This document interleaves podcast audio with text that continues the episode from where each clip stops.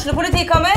Ine Jansen er purk. Er du purk? The motherfucking bitch. Alt jeg vil, er å finne ut hva som skjedde med mannen min. Jon Carew. Er jeg sikta for noe? Iben Akeli. Det er du. Ole So, Lars Berrum og Big Daddy Karsten. Hvem sin side er du på, egentlig? Anette Hoff, Tone Danielsen, Kommer du fra Afrika? Jørnis Josef, Nesten. Kløfta. Trond Espen Seim, Det er synd å si det, men det var feil mann som døde. Purk. Premiere tirsdag på TV2 Play.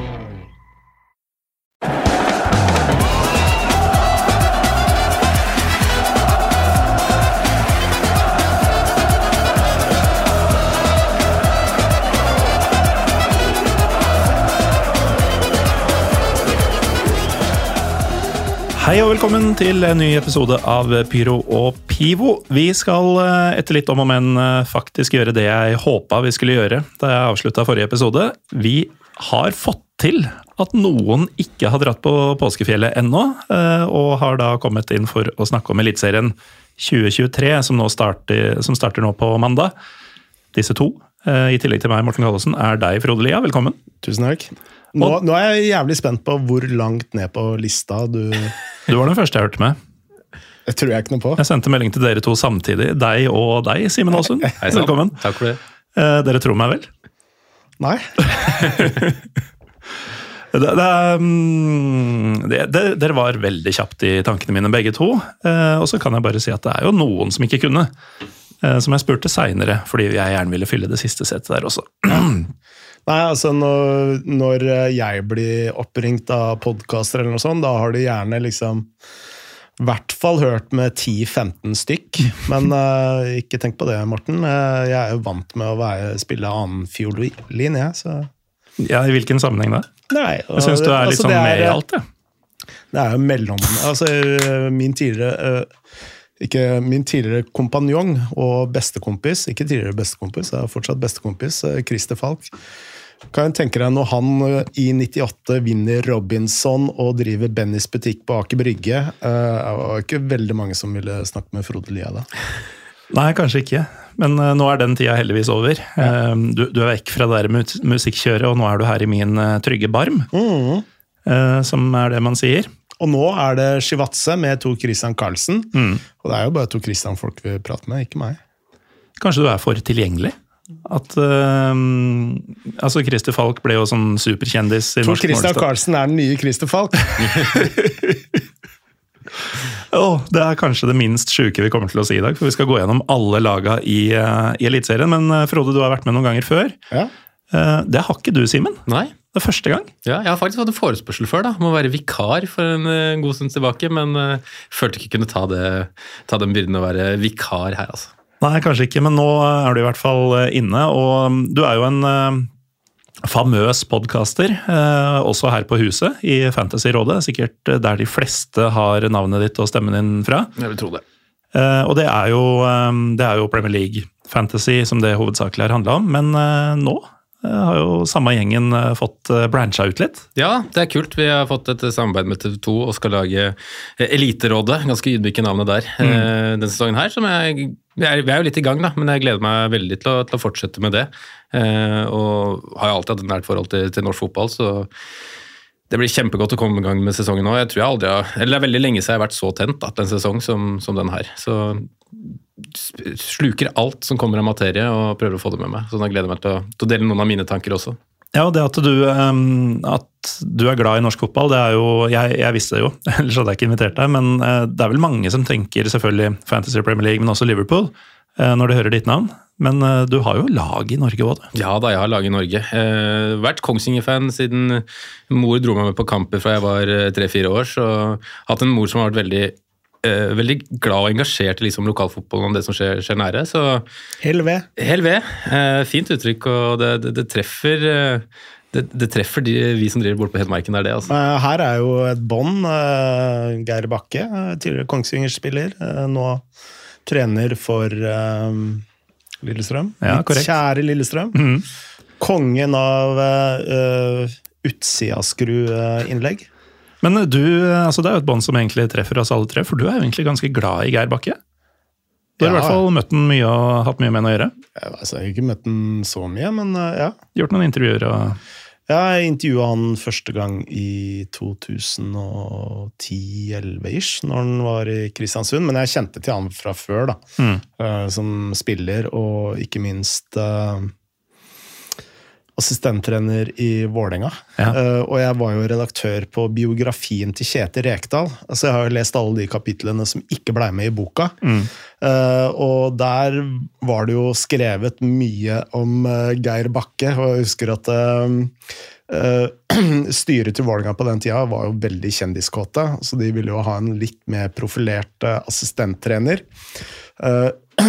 Og Kjetil Rekdal grua seg jo fryktelig for å, å liksom fortelle Geir dette her, at eh, nå må du inn til styret, og nå må du selge deg inn, eh, så de ikke Jeg klarer meg ikke uten deg, eh, på en måte. Og alle som fulgte med Vålerenga på den tida, visste jo at det var Geir Bakke som kjørte treningene, det var Geir Bakke som, som gjorde mye av jobben. da. Mm. Og da husker jeg det sto i boka at eller, forfatteren, Olav Østrem, eh, skrev at eh, Geir Bakke hadde gått inn i møtet, og alle var overbeviste. Ja. ja, men det, det er jo sånn han funker. Det var jo um, et møte på Åråsen sånn ca. halvveis i førstedivisjonssesongen i 2020, hvor eh, det gikk ikke så bra. Og da kalte klubben faktisk inn til et sånn medlemsmøte eller supportmøte, eller hva du skal kalle det. Og jeg husker at eh, jeg var en av dem som kom der for å, for å slenge litt med leppa og fortelle hva som ikke var bra nok og sånn. Men så starter det med, og dette var en genistrek, eh, at eh, den la oss si sportslige utvalg, da, de starta med å ha en presentasjon hvor de viste en del klipp av eh, angrep som ikke hadde funka, f.eks. Mm. Og så sånn Det vi prøver på, er egentlig å gjøre sånn her, men så ser du at han tar det ekstra touchet i stedet, og så ser du hvor mye som endrer seg i eksempel en innleggssituasjon. Da. Og bare Geir Bakke sto der ordentlig sånn breibeint og fram med brøstet og forklarte og sånn, før folk fikk um, stille spørsmål og greier, og da var det Han hadde vunnet folk over, rett og slett, før, det, før de i det hele tatt hadde begynt.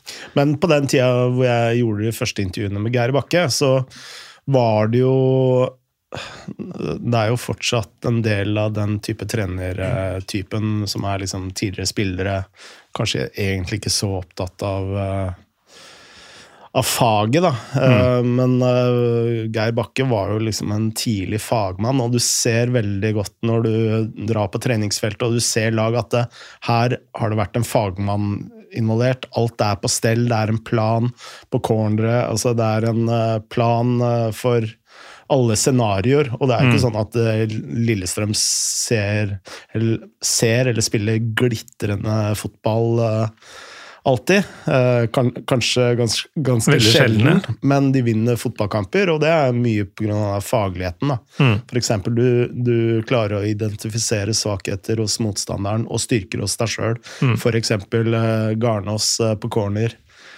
Og det er jo Altså, vi som prater om fotball og elsker fotball, vi prater i altfor stor grad om det som skjer mellom 16-meterne, men det er ikke der du vinner fotballkamper. Det er det som skjer innafor 16-meterne. Og der er Geir Bakken og Petter Myhre, for den saks skyld, ypperlige trenere. da.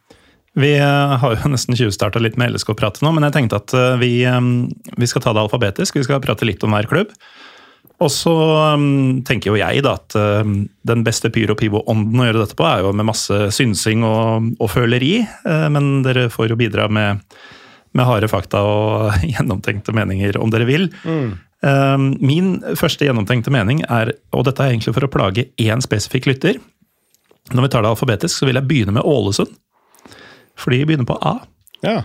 Eh, og så er det noen som vil hevde at den doble A-en gjør det til en Å, at de dermed skulle være sist. Men Ålesund får være først i Ja. dag. Eh, først på tabellen blir det jo ikke. Men eh, Det er jo veldig mange som eh, tipper dem langt nede. Ja, eh, veldig mange på nedrykk direkte. Og, det kommer jo også til at jeg sliter litt med å finne de klare Altså det er mange lag jeg tenker skal få slite litt. Men å finne de som skiller seg ut negativt i en bunke på kanskje fem-seks klubber, den syns jeg er verre. Men Simen, første tanker om eh, Ålesunds FK? Nei, jeg er egentlig ganske enig med de som vil ha de ganske langt ned på, på tabellen. og det, det handler i hovedsak om at jeg syns de har lite offensiv kraft. Eh, I hvert fall det man så fram til det landet. Og så er det jo et, ganske ukjent navn for, for min del, men uh, Atanga som kom inn på tampen, har jo en relativt spennende CV, da, hvis man skal si det sånn. Jeg var liksom bare inne og sjekka han på, på Transfermarkt før, før sending her. Han, har, uh, han ble kjøpt for 250 000 pund eller noe sånt uh, rundt der, uh, og har en verdi på to millioner. Så det er liksom noe som er eh, noe som er en konflikt der, da, hva, hva som faktisk er hans potensial, eller hva som er hans nåverdi etc. Og slo gjennom i Nord-Sjælland. Så, så det er jo en av de mest spennende tilvekstene vil jeg si, denne sesongen her. Så får man se om resten av troppen er, er bra nok. da. Jeg har hørt um, har ikke sett så mye av treningskampen deres, men jeg har hørt rapporter om at de har spilt ganske stygt, både mot, uh, mot Bodø-Glimt og hvem var den andre? Var det Molde, mon tro? Det var jo snøstorm mot uh, Bodø-Glimt. Ja. ja. Ja, det, det hjelper jo på et tenningsnivå nivå da, men du ser jo det litt på typen her også. Da. Jeg har fått inn Diop på midten der, som er jo et uh, som man kaller det, vandrende gult kort. Um, og- Ja, han er fæl fyr, altså. ja, han er det. Og så har du en type i, i, som trener der også, som, som Altså, han girer i hvert fall ikke spillerne ned for en kamp, vil jeg tro. Det er liksom giring opp og, og få aggresjonsnivået høyt og sånne ting. Så noen savn Jeg likte han Bolkan Nordli som, som dro. Jeg syns han var en fin, eh, fin angrepsspiller. Så mm, jeg vil nok ha de på det nedre sjiktet, men, men om, man, om de går helt ned, det gjenstår jo på en måte å se. Men jeg har faktisk plassert de på direkte nedrykk på, på mitt tips. Eh, Frode, du, eh, du har nikka litt? Nei, Nei? nei, ikke i det hele tatt. Jeg tror de klarer seg. Altså, det, Ja, men altså med klar margin, eller blir de der nede? Nei, altså De er på nedre, eh, nedre halvdel, men Ja. jeg tror de Altså Jeg har andre lag som jeg er mer skeptisk til enn Ålesund. Hva, hva Martin får du til å tro på eh, har eh, endelig kommet i gang i Ålesund. Mm. Han tror jeg kan overraske veldig mange utover sesongen. Han uh, sleit litt med tempo, sleit litt med fysikken. Hoppe opp fra Obos til uh, Eliteserien, men nå, han ser veldig vass ut. Mm. Um, Altså, de var jo um, De var jo i stor grad ganske solide i fjor, uh, og det forventer man jo kanskje med den treneren. mm. Og så hadde du jo litt X-faktor i Bolkan Nordli og han Hva het han for noe? Han med det finske navnet, som var der på vårparten. Um, og I tillegg så hadde du jo Eliteseriens to beste mennesker i Simen Raffen og Kallevåg. De har jo dratt. Nå har han Mette, Mette, jeg er usikker på Tødlerud. Mette, ja. Stemmer det. Um, og det, hvis det var solid i fjor altså når du ser, altså, Man kan si mye om Diop, men uh, det, det er jo, du veit hva du får. Mm. Og um, Så har du kanskje Eliteseriens beste keeper. Du skal ikke kimse av det Det, heller. det er et lite poeng. Um, og de spiller jo med nær, Altså, de sier de spiller 3-5-2, men det er vel uh, uh, 6 uh, et eller annet.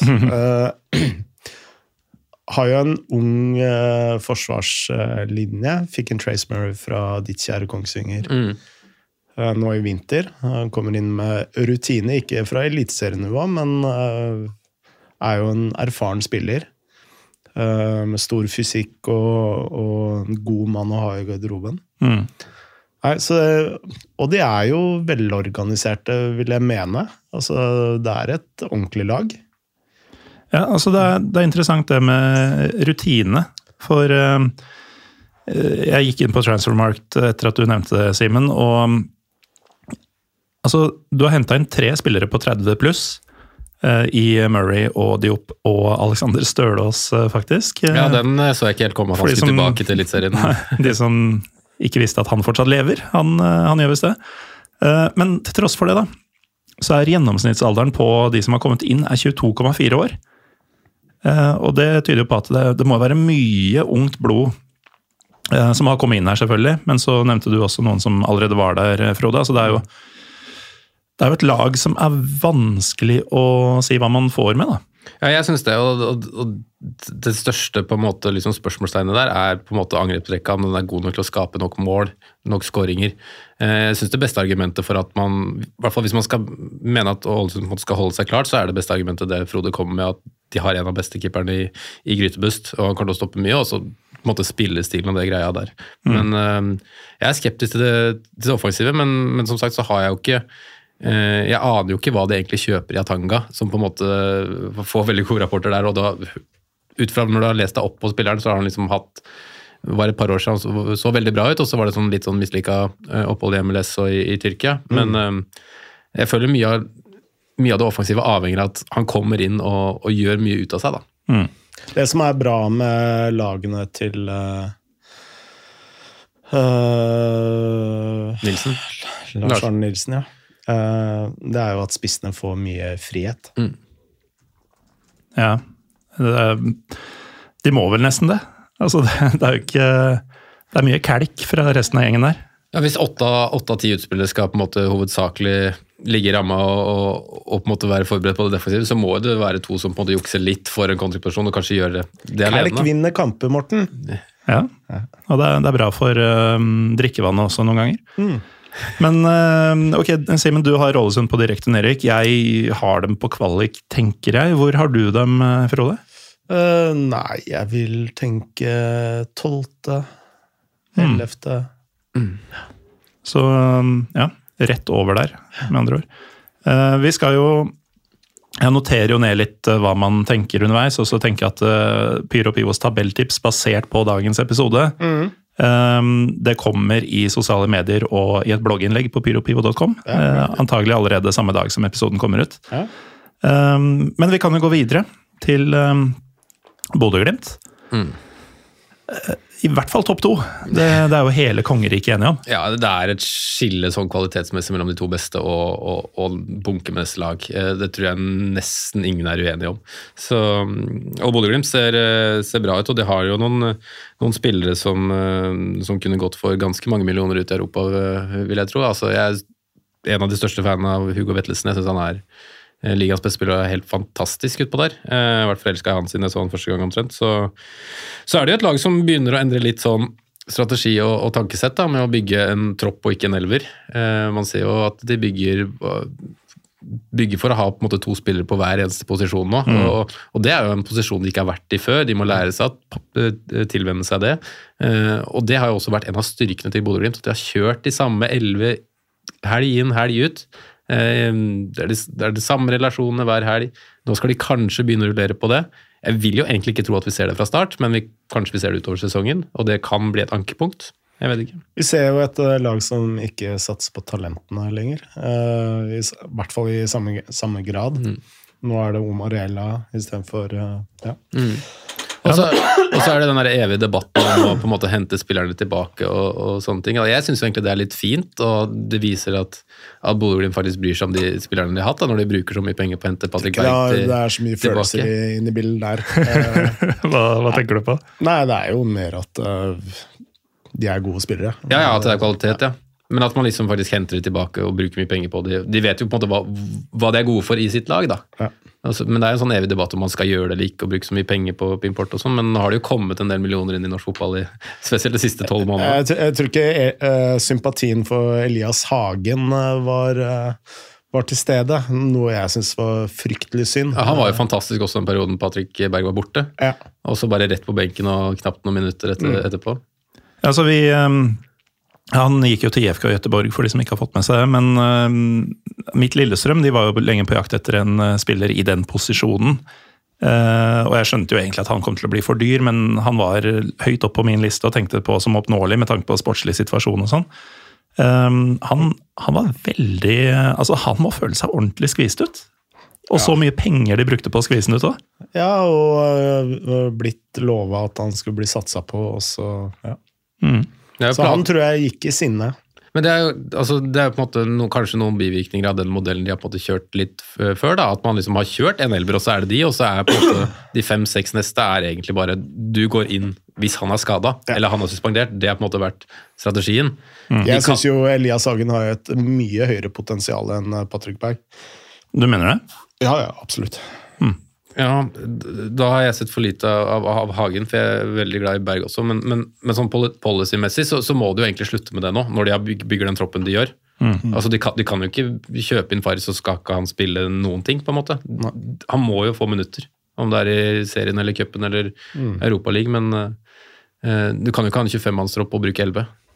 Nei, men det er jo, det er jo påfallende. altså man sier at de satser ikke ungt lenger. Når du ser hvem som kommer inn, så er det jo veldig mye um, talenter. altså Det er litt sånn derre First Price Midtjylland-feeling over det, syns jeg. At man bruker en del penger på å hente Jo, nå, di- nå jeg mener unge spillere fra sitt eget akademi, ja, da. og det er det jeg skulle til å si, fordi det er jo det de har hatt suksess med. Altså Hele den gjengen som de har solgt ut og så henta inn igjen, er jo um, i hvert fall i stor grad fra egne rekker, og har fått lov å gå gradene fra førstedivisjon, flere av dem også. Um, men prøver du, prøver du å komme inn den veien nå, i Glimt, da er veien lang, altså. Ja. De har blitt et sånn FM-lag. Ja. Ja, ja, men det er egentlig en god referanse, syns jeg. Fordi at de eh, ja, for å si, som bruker egne talenter nå. Så plutselig så kommer kjøp av Grønbekk i, i fjor også, som er, var veldig dyr overgang i på en måte, norsk målestokk. Og liksom bare tar den eh, plassen der, og da, da blokkerer du jo for alle disse andre som, som kanskje er på vei opp. da. Men uh, hvor bra blir de, da? Altså, Nei, jeg mener det Glimt-laget har en del uh, hulder. Om ikke svakheter, i hvert fall huller. Uh, Ja, Hvor tenker du da? Fordi det mange ser, er jo knallsterk dobbeltdekning på omtrent alle plasser. ja, spiss, for eksempel. Ikke Obbystad og Espejord. Nei, nei. Men det også er jo veldig sånn Og jeg, jeg, jeg tror ikke Espejord blir førstevalget heller, etter hvert. At det blir Faris. Eller Nordås. Jeg tror Nordås eh, kommer til å være den typen. Altså, han er vel det nærmeste man kommer Botheim, for eksempel, som hadde suksess i den rollen. Den, den, Men, uh, spillestil så kjøper jeg det. Ja, men uh, han er jo ikke i nærheten. Altså Nei, det er, det er et stykke ned på den. Men akkurat spissplassen er jo litt sånn Lasse Nordås tror jeg ikke er topp ti spiss i Eliteserien. Nei, nei, nei, det er den jo ikke. Så Men Glimt har jo vært veldig sånn under Kjetil Knutsen eh, veldig sånn typebasert. ikke sant? Nesten sånn der, eh, like mye som Wengers Arsenal var i glansdagene. ja. hvor og Det er derfor jeg tror Lasse Nordås blir uh, Ja, for på spissplass har de jo nesten hatt litt sånn identitetskrise. Altså Espejord har jo ikke vært eh, Det visste man jo da han ble rykta inn der først, at det er jo ikke typen de trenger, egentlig. Eh, egentlig ikke Salvesen heller. Men, Salvesen Altså Det å kjøpe spisse fra Tromsø det uh, i moderne tid er jo ikke helt heldig. For det, altså det er en klubb som uh, notorisk ikke har spisser som uh, skårer mål. Sånn var det ikke på, våre, på vår tid, Frode. Nei. Da var det jo bare Rune Langol, Martin Årst og Rushfeldt og så videre. Moss eh, fortalte det når han spilte med Sigurd Rushfeldt. Det var så enkelt å bli toppskårer i Tromsø, for det var bare å gjøre som Sigurd sa, og så kom måla. Gjør som Sigurd sier. Men eh, ok, du, du ser noen huller her. Er det nok til at Glimt ikke blir seriemester, eller? For du, du er ikke så kontrær at du tenker de skal lenger ned enn andreplassen? Jo, jo. Du er on fire, altså. Ok, Nei, jeg tror de ender på fjerde eller tredje. Jøsses. Da er, jeg, da er jeg spent på hva som kommer etterpå. Ja, fordi jeg sliter med å finne Altså, jeg har en ganske tydelig topp tre. Eh, Jeg sliter litt med å skille Glimt og Molde. Altså Det laget jeg har på andreplass, eh, det kommer du ikke til å gjette. Nei. Da skal vi kose oss eh, senere i sendinga her. Jeg har de klink nummer én. Ja. Klink nummer én ja. Ja, foran Molde. ja. På, på, jeg, altså på tabelltips, i den formening at jeg aldri har på en måte tenkt noe annet hvis jeg skulle legge, legge tips. Eh, så klart er de to beste lagene, eh, men jeg har aldri hatt på en måte Molde i tankene til å vippe over. da. Det jeg synes, eh, og det er på en måte spesielt den der i midten med eh, Nå er riktignok Saltnes ute, da, men med Grønbøk, Vettesen, Saltnes i de to rollene der, de gjør så mye, og resten av laget er solid dobbeltdekning. Eh, det eneste ankepunktet jeg har, er den der, hvordan de skal løse det at en 25-mannstropp er fornøyd, da, og at du liksom kan rullere i en viss grad. Ok, men da Det er bra jeg har med deg i dag, Frode, for du tenker annerledes enn en alle andre jeg har vært borti uh, og Ja, lest. vi, vi trenger det òg, da. For det er jo liksom samme, veldig mange, mange av de samme uh, tipsene som Og det ligger ute. er jo eh, for, nei, ulempen med fotballpundetteri. Mm. er jo at uh, alle bare leser de samme tingene, og, og altfor mm. få folk som uh, bruker huet sjæl. Ja. Men er det andre, når du er inne på liksom mangler og sånn, er det andre hull enn på en måte spissplassen du er bekymra for? Når du tenker Nei, jeg tror at norsk målestokk, det er litt målestokk, ikke Nei, jeg tror at uh, Altså, eh, argumentet mot da, det er jo Rosenborg. De spilte på samme måte i 13 år og Mm. vant. men jeg tror i moderne fotballen så, tror jeg folk begynner å finne litt mer ut av uh, Bodø-Glimt. eh, og at det finnes eh, mottrekk som eh, flere kommer til å ha suksess med. Ja. Så jeg tror at særlig på bortebane så kommer de til å tape en del mer på poeng enn har tidligere. gjort. Enn tidligere. Kan de tape på bortebane allerede i semifinalen om et par uker? Ja, jeg skal, ikke- skal ikke se bort ifra det.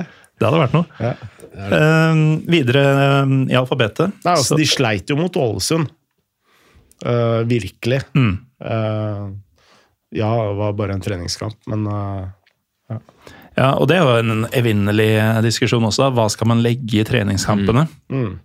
Men eh, det er, det er jo en pekepinn, i hvert fall når du nærmer deg de siste par treningskampene, så prøver de å skru til og framstå sånn som du skal framstå. absolutt. Jeg syns det i hvert fall er en pekepinn hvis du ser kampene. altså Hvis du liksom leser litt ut av, av matchbilder og, og sånne ting, og så får du på en måte ta resultatet litt mer med en klype salt. Men man kan jo se mønster, og, og, og mange lag spiller jo på en måte med, med laget sitt kanskje 45-60, og så bytter man seg litt vekk, og så får man se liksom hva er settingen etter der, da. Men eh, et, land som, et lag som har sett ut som flammer i eh, omtrent hele fjor og hele vinter og nå tidlig vår, det er jo sportsklubben Brann. Som eh, i hvert fall ifølge seg sjøl og ifølge resultatene i vinter er tilbake med brask og bram.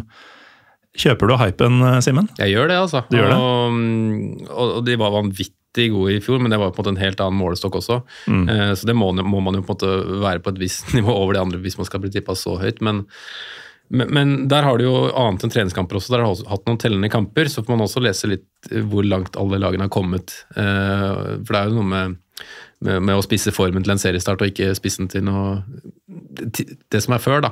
Men, men har feid over både Haugesund og, og Sandefjord. Um, siste treningskamp nå med 6-0 over Sogndal, det, det setter fyr på bergenserne, det. Og en Bård Finne som leverer uh, målpoeng i, i ja, to pluss to i, i, i generalprøven, det, det virker lovende. Så eh, at de kommer høyt, altså kommer på øvre tabell er jo på en måte helt låst, men om de kommer helt opp til liksom Det er vel snakk om helt opp til tredjeplass, føler jeg. Eh, Det, det er jo det sjiktet bak kanskje de to klare, og så er det et sjikte med en vet ikke jeg, fire-fem lag, kanskje. Eh, kanskje også færre. Eh, men jeg tror, tror Brann er i den bolken der et eller annet sted.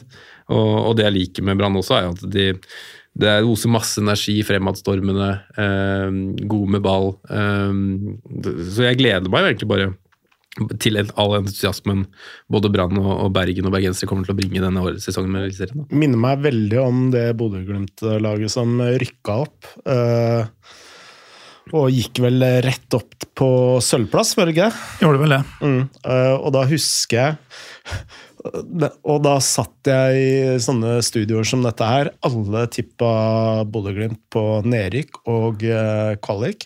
Og da husker jeg Tor Christian eh, sa til meg at eh, For han hadde jo fulgt dem både i Obos eh, og i treningskampene. Og han fortalte det Bodø-Glimt-laget altså, det er, jeg, jeg tror de kommer til å gå topp fire. Mm. Eh, sånn. Samme følelsen har jeg med Brann nå. Eh, Så jeg har de på andreplass. Du har Brann på andreplass, ja. Steike. Men altså Jeg sleit litt med å se hvem, hvem andre enn de eller eventuelt LSK du, du skulle ha lurt inn der hvis du skulle ha bodd lenger ned. Så, ehm, nei, det, det, er, det er spennende, da. Jeg har plassert det litt lenger ned, men, eh, men eh, jeg deler på en måte all, all entusiasmen og, og troa man har på Brann sånn generelt. Og så er det bare et par plasseringer ned på tabellen, men um, veldig veldig spennende lag og veldig morsomt lag. Um, tror mange nøytrale uh, kommer til å bli glad i. Men hvorfor det, egentlig? Fordi når man ser på laget, så er det mye Det er jo, det er jo en del av de gamle som aldri fikk det til, og så er det en del sånne herre Altså Du ser sånn- at de gamle sånn spillerne er litt bedre trent nå enn uh, Det ser du. Altså, uh, men så er det også en del sånn halvveis rejects fra andre klubber, egentlig, ja. som har kommet inn. Og jeg bare Når jeg ser Altså, jeg har jo også sett resultatene og noe av uh, litt høydepunkter her og der og sånn. Eh, Og jeg så hva de gjorde i fjor i første divisjon. Men jeg får det ikke til å gå opp når jeg ser spillerstallen og ser navna på lag eh, Ja, altså det Du kan sånn. heller begynne med å se da, når du ser Brann. Du kan se eh, hvor mange sekunder det tar fra de mister ballen til den vinner igjen. Der er, tror jeg de kommer til å være helt, helt i toppen. Og det er jo litt det samme Bodø-Glimt var når de Den energien ser, ser ikke jeg i hvert fall lenger i Bodø-Glimt. Hvor de, altså, motstanderen aldri fikk eh, fred. Altså, de, de var over deg med en gang. Og det der gjenvinningsspillet til Brann, altså, det er eh, Det er som å se et godt eh, brusmerkelag eh, fra Tyskland eller Østerrike. Og så er, det, og så er det den neste fasen også, hvor de bare egentlig bare går rett på og ikke nøler. Det er liksom eh, Og så spiller de De spiller en veldig direkte type fotball, men de har Og utfordring når du spiller den type fotball, og det, dette merker jo Lillestrøm godt til, det er at eh, feilprosenten øker, fordi det er jo vanskelig å, å, vanskeligere å spille en fremoverpasning eller en pasning sideveis eller bakover. Eh, og der er de fryktelig gode. Altså, de har en fryktelig god uh, hitrate på fremadgående pasninger. eh, som igjen skaper mange målsjanser. Jeg eh, lar meg rett og slett ikke lure. Jeg har Brann på tiendeplass på mitt personlige tips. Ja, bra. Jeg, jeg tror at eh, Eller tror og tror. Jeg hører jo hva alle andre sier, og skjønner jo etter hvert at jeg tar feil, men jeg tror at den der, det magiske teppet som de har flydd på i et års tid nå eh, Når den nesestyveren kommer og Som liksom, trådene begynner å nøstes opp litt På, på, for et par år siden. Ja, gjorde jo ikke det, da. Altså, Man kara seg jo opp på minst uh, sexy vis uh, mulig uh, fra, fra førstevisjonen og opp. Ja. Og starta med to, eh, to springskaller rett i trynet da man først var oppe. Så, så den, den er ikke sammenlignbar, Frode. Men disse, disse folka, husker, de folka her husker jo ikke åssen det var å tape kamper. Og det første tapet kommer antagelig relativt tidlig. Eh, og da går så mye luft ut av den eh, ballongen at det er hjelp. Ja, de, de er jo avhengig av, i hvert fall nå som de på en måte har fått såpass mye press på seg, å levere fra, fra start. Men, men man har, det, er liksom, det er ikke så mange Altså, de har, en, altså, de har en trener som har fått så mye juling. Ja. Altså, han har vært i konstant juling. Så om han taper en kamp eh, Jeg tror ikke det er liksom ja. Nei da. Jeg, jeg, jeg er ikke den, eh, den med størst faglig tyngde i tipset på Brann av oss tre. Det, det skal Jeg ikke unner jo nesten han litt suksess, ja. Må, må si det. Jeg har satt dem på mm, ja, ikke midt imellom, femte. da. Ja. Litt mer enig med Frode enn med, med deg, kanskje, men uh, et sted imellom. ja. Men eh, det er jo også litt sånn eh, Samme grunn som at jeg hadde Jerv på åttende i fjor. Altså Det er jo noe med norsk fotballs lover som tilsier at hvis du danser gjennom førstedivisjon på den måten, så får du et knallhardt møte med Eliteserien. Eh, se tidligere årganger av Ålesund og Sandefjord, eh, f.eks. Mens eh, eh, sånn som Stabæk, da, som lenge så ut til å ikke rykke opp og liksom aldri var helt sånn sikre før det var helt på slutten, de kan fort liksom få en sånn helt fin sesong og bli nummer åtte, føler jeg. Nå, nå kommer vi dit seinere. Men eh, apropos faglig tyngde, tyngde. Hva tror du gressmatta i Bergen har å si? Den eh, har eh, nok en del å si. Eh, den, de blir et sterkt hjemmelag. Det tror jeg. Um, Altså, de er 1,45 odds uh, favoritt mot Haugesund eh, på søndag. Som et nyopprykka lag. Det er, det er ganske sprøtt. Så tror jeg jo at det har en stor effekt om å få med seg på en måte hele byen. Altså, Det hadde blitt en helt ny giv der. Det er mye flere tilskuere enn det på en måte hadde kanskje vært i et Si at det hadde rykka opp på måten som Stabæk gjorde, da. akkurat mm. seg videre, så hadde det fortsatt vært entusiasme, men nå er det jo på en måte noe helt annet. ja, eller aldri rykka ned. Ja, For den entusiasmen de skapte i fjor, den er jo helt insane. Jepp. Eh, Så, så, så jeg tror det kommer til å ha en stor virkning, spesielt i starten. Så kan det være litt, som du sier, at det kanskje kan dabbe litt av etter hvert. Men altså at de første kampene at det er stappfullt på, på hjemmebane, og at det er en god del med bortsupporter på kampene, det er jeg ganske overbevist om. altså. Et lag som neppe får veldig mange tilskuere, verken hjemme eller borte, og som det heller ikke er noe særlig blest rundt foran sesongen, det er De grønne og hvite fra, fra Hedmark. HamKam, de Er vi på H? Ja, de måtte jo starte en treningskamp med fysioterapeuten sin på, på Bekkplass eh, her i vinter. Der Gru- er det litt skralt. Ja, Grusomme resultater i vinter, rett og slett. Med å bli feid av banen av flere Obos-lag. Kan jeg bare si det med en gang? Jeg har de på desidert sisteplass. Ja, og det er nok ikke veldig mm, kontroversielt, men Altså, det er mye som ikke fungerer i, i, eh, i HamKam. Uh, Altså det at de rett og slett De har ikke sportsdirektør. nei, de- det er jo tydelig. Det er jo helt det er ganske tydelig. Men altså, jeg, du og jeg kjenner jo Simon Mesfin, uh, Frode, altså sportssjefen i LSK. Eh, vi veit hvor lange dager og hvor mye av døgnet han er på jobb i større eller mindre grad. Um, altså At det er en 100% stilling å være sportssjef i Eliteserien, det er en underdrivelse. De hadde eh, Espen Olsen på deltidsstilling i den jobben. Han forsvant ut. De har ikke satt inn en ny. Det virker som det bare sånn, ja, noen på brakka kan ta den telefonen iblant. Da får du den troppen du har nå. Altså, Det Ja. ser jo ikke ut i måneskinn. Nei, de har ingenting. Ja, det, er, det, er, det er store savn, altså. Spesielt Ku- Kuruchai, som jeg syns var, var veldig bra i, i, i fjor. Men det hjelper jo ikke med, med Skjervik og, og Bjørlo ut heller. Det gjør ikke det. Men eh, det, det syns jo er noe altså, eh, Fair enough, men jeg syns jo det er noe ok av det som, som kommer inn. da, Men kanskje ikke Kanskje ikke i nærheten av der vi var i fjor, men, eh, men ja, jeg syns jo Henrik Udal er en spennende signering, som, Ja, som du har gjort på topp. Uh, syns Han han, hadde for øvrig passa ufattelig godt i Brann. Mm. Apropos presspiller. Altså han, eh, alle målene hans omtrent i Vålerenga kom jo etter ja, Han skapte jo eh, måla sjæl, han. Litt sånn overraskende, syns jeg òg. Ut fra de gangene jeg har vært på In- Intility, så føler jeg at han er veldig godt likt. Og spesielt av den gjengen eh, bak, bak mål der. Så men Han, han syns jeg er en, er en god signering også. Jeg har egentlig også vært eh, hver gang jeg har sett Kurtovic i Sandefjord, så har jeg også tenkt at han er en god spiller. Eh, men, men jeg er jo enig i at de savnene der er, er tunge, altså. Og Så når de klarer jo å stille opp en elver. Ja da, det gjør de. Og de Men- har et sånn ganske ok program i starten, hvis man, man ser på det. Så hvis man er heldig å dra med seg noen trepoengere der, så, så kan man jo få litt sånn medvind og sånne ting. Men resultatene i vinter, når du taper 3-0 mot Raufoss, 4-2 mot Kongsvinger eh, Den kampen så jeg, da, da klarte de ikke å spille seg ut bakfra omtrent hele første omgangen der. Og, og så skal du møte lag som er betraktelig mye bedre enn Kongsvinger i løpet av sesongen her, i, i samtlige kamper. første trener som ryker, eller? Jeg vet ikke, Det er jo ingen til å sparke den. Nei, det er et godt poeng. Det er godt poeng, faktisk. La oss Nei, men- gå videre. Ja, la oss det. Uh, HamKam rykker ned. Ferdig med det. Ja, også de sist. Siste. Ja, jeg har dem på 15., så vi er ganske greit enige der. Et lag som jeg tror er Som alltid er litt sånn Det er de og Sandefjord uh, og Odd. Uh, Men Haugesund Altså, umulig å vite sånn nøyaktig hvor man skal sette. Altså Men nå ryker det. sjuendeplass eller fjortendeplass, liksom. Ja, men nå ryker det. Det gjør det. Du har det nede, du òg? Ja. Er vi enige på, er vi enige på nedrykk, da? Jøss. Det var jo jævlig greit, da. Safaris uh, ut, det er et, uh, en spiller de ikke klarer å erstatte.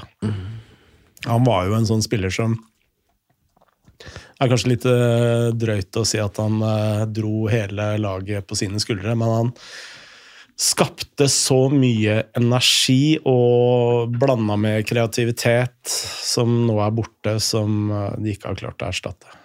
Nei, det er jo Når man ser de som har kommet inn, så er det jo enten veldig sånn underveldende eller totalt ukjent. Ja. Og øh, ja, når man ser det som har gått ut, så er jo det stikk motsatt. Altså det, det, er, det er noen tunge savn der, som dere sier. Og det var jo altså Hvis de går ned, da eh, Det blir ikke noe savn. Altså Jeg kommer til å savne Runar Norvik, men han kommer til å være på Twitter fortsatt. Ja, for, min del så er Haugesund det laget på en måte så, så er det sånn, føles sånn rart og, og vondt å på en måte sende ned, ned også på tipset, men det er kanskje det laget jeg kjenner på en måte minst til, og det mm. er vel kanskje noe med det du introduserer med, da, at det er, liksom, det er vanskelig å få- få helt fatt på de Eliteseriens beste pressesjef, da. Det er jo et sånt. Ja. Det er, det er et savn. Um, men, Volkan Norvik. Burde jo vært tolv poeng på tabellen bare gjennom eh, virksomheten hans på sosiale medier. det er jo spennende hver gang det signeres en ny spiller der, og finne på hva de, hva de kommer med. Ja. Nei, det er, det er sjuke greier. Men man ser jo også at det er ikke eh, Det nettverket han har nede på Balkan, det har ikke lekket noe særlig over i sportslig avdeling heller. I hvert fall ikke denne vinteren, for det er jo Du har eh, sorry Ibrahim Diarra, som har kommet fra Petrolol. Som jo er sånn stor-Balkan, men det er ikke det Balkan Altså i Romania. Det er ikke den delen av Balkan han eh, kan. Um, ellers så er det jo liksom Altså, jeg har de på kvalik, da, ikke på Jeg har et annet lag på andre nedrykksplassen. Da er det ikke sikkert vi har dem på, på nedrykk når det kommer til totalen, for jeg har, har dem på min tolvte. Mm. Uh, men du har dem på um, Jeg har dem faktisk på 15, ja. Um, men, men samtidig, som, som jeg sa, så det er, det er jo det laget jeg kjenner faktisk minst til. Uh, Ikke noe på en måte kontakt eller jeg har ikke, Eneste kampen jeg har sett i vinter også, er jo den kampen mot Brann, hvor de virkelig fikk, fikk kjørt deg. Men lag som skriker litt etter X-faktor, føler jeg, uh, offensivt. Eh, ok defensivt, bra keeper. Um, store tap i både Safaris Endor også var jo en sånn spiller med X-faktor de hadde har hatt det tidligere. Um, Tore Pedersen tror jeg også faktisk blir litt savn. Så, ja, solid, liksom. ja, um, og, og, og de på en måte De spillerne jeg kanskje syns er best, da, når jeg har sett, sett Haugesund, tror jeg er liksom spillere som kanskje ikke avgjør nødvendigvis alle kampene. I, i Krygård syns jeg er bra, Liseth syns jeg er bra. Eh, Selvik er jo definitivt matchavgjørende. da. Eh, Det er jo få spillere som kan være så matchavgjørende som en, som en keeper, men em, de også sliter litt som i samme bolken med, med Ålesund. Sliter med å se X-faktoren offensivt. Sliter med å se hvordan de skal skåre voldsomt med mål. Og Det er det som drar, gir deg trepoengere. Det er å skåre mål. Ja, det er litt sånn for min del, da. Altså, vi kommer jo til Lillestrøm nå, faktisk. Men når Lillestrøm skal til Haugesund denne sesongen, så vil jeg bli skuffa om man ikke holder nullen. Det er litt sånn, Ikke at det blir en enkel seier, eller noe sånt, men det burde i hvert fall bli 1-0, kanskje 2-0. Det burde ikke bli 2-1-seier. Det er sånn, Og jeg fikk, jeg, jeg pratet litt med, med Amin Askar når vi planla disse mm, fantasy-podkastene våre denne sesongen, her, og han, og han argumenterte jo for det at eh, Haugesund er alltid vanskelig i starten, for da er det dårlig bane, de har trent der mye Mhm. og sånne ting. Og nå la jo disse pressesjefene ut fra Haugesund, det var jo en strøken gressmatte bort på, på Haugesund. Så det så det argumentet der gjelder jo ikke lenger heller. nei. Så mm, eh, Nei, det blir, jeg tror det blir en tøff sesong, men eh, sikkert et lag som har kapasitet også, hvis man får litt flyt på, på å klare seg med sånn ok margin også. Så det er jo et spenn her. Eh, det er ikke sånn at eh, eh, uansett hvor, hvor gode vi tre klarer å sette sammen et tabelltips, så, så er jeg ganske sikker på at vi ikke treffer på alt. Det, det er den eneste sikre saken her. Det er jo at vi bommer grovt på mye. Eh, som alle andre gjør, da. Uansett hva man setter sammen, så blir det gæli. Men det er det som er det morsomme med det her. Men eh, noen som setter sammen noe som ikke ser så gæli ut, det er gutta på Åråsen, eh, Frode. Ja, Geir Bakke og K. Og Simon og Petter Myhre og Nei, fy, her lukter det svidd, ass. Altså, ikke som i, ikke som i finspill og dominans og sånn, sånn som vi var inne på, men altså, her er det Sklitaklinger og ja. Ja, og du nevnte dette med gode i boksene. Altså, her er det matchvinner i begge ender. Absolutt. Er det laget med flest spillere over 1,90, eller? Um, Det må det vel være. jo, men altså, det er ikke, Det er ikke så mange, men Nei, det er det ikke er- så jævlig svære gutter, egentlig.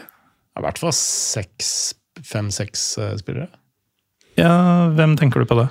Altså, jeg, Det er begge på topp over jeg tror, Ja, faktisk, det. tror faktisk Lene bare er 1,87 eller noe sånt. Ja, sånn er på grensa et eller annet sted. Ja. Tenk, tenkte kanskje det var over, men ja. Men i det sjiktet har vi mange. Jeg har Lillestrøm enten på fjerde eller tredje. Jeg Mm. Krangler litt om Bodø-Glimt.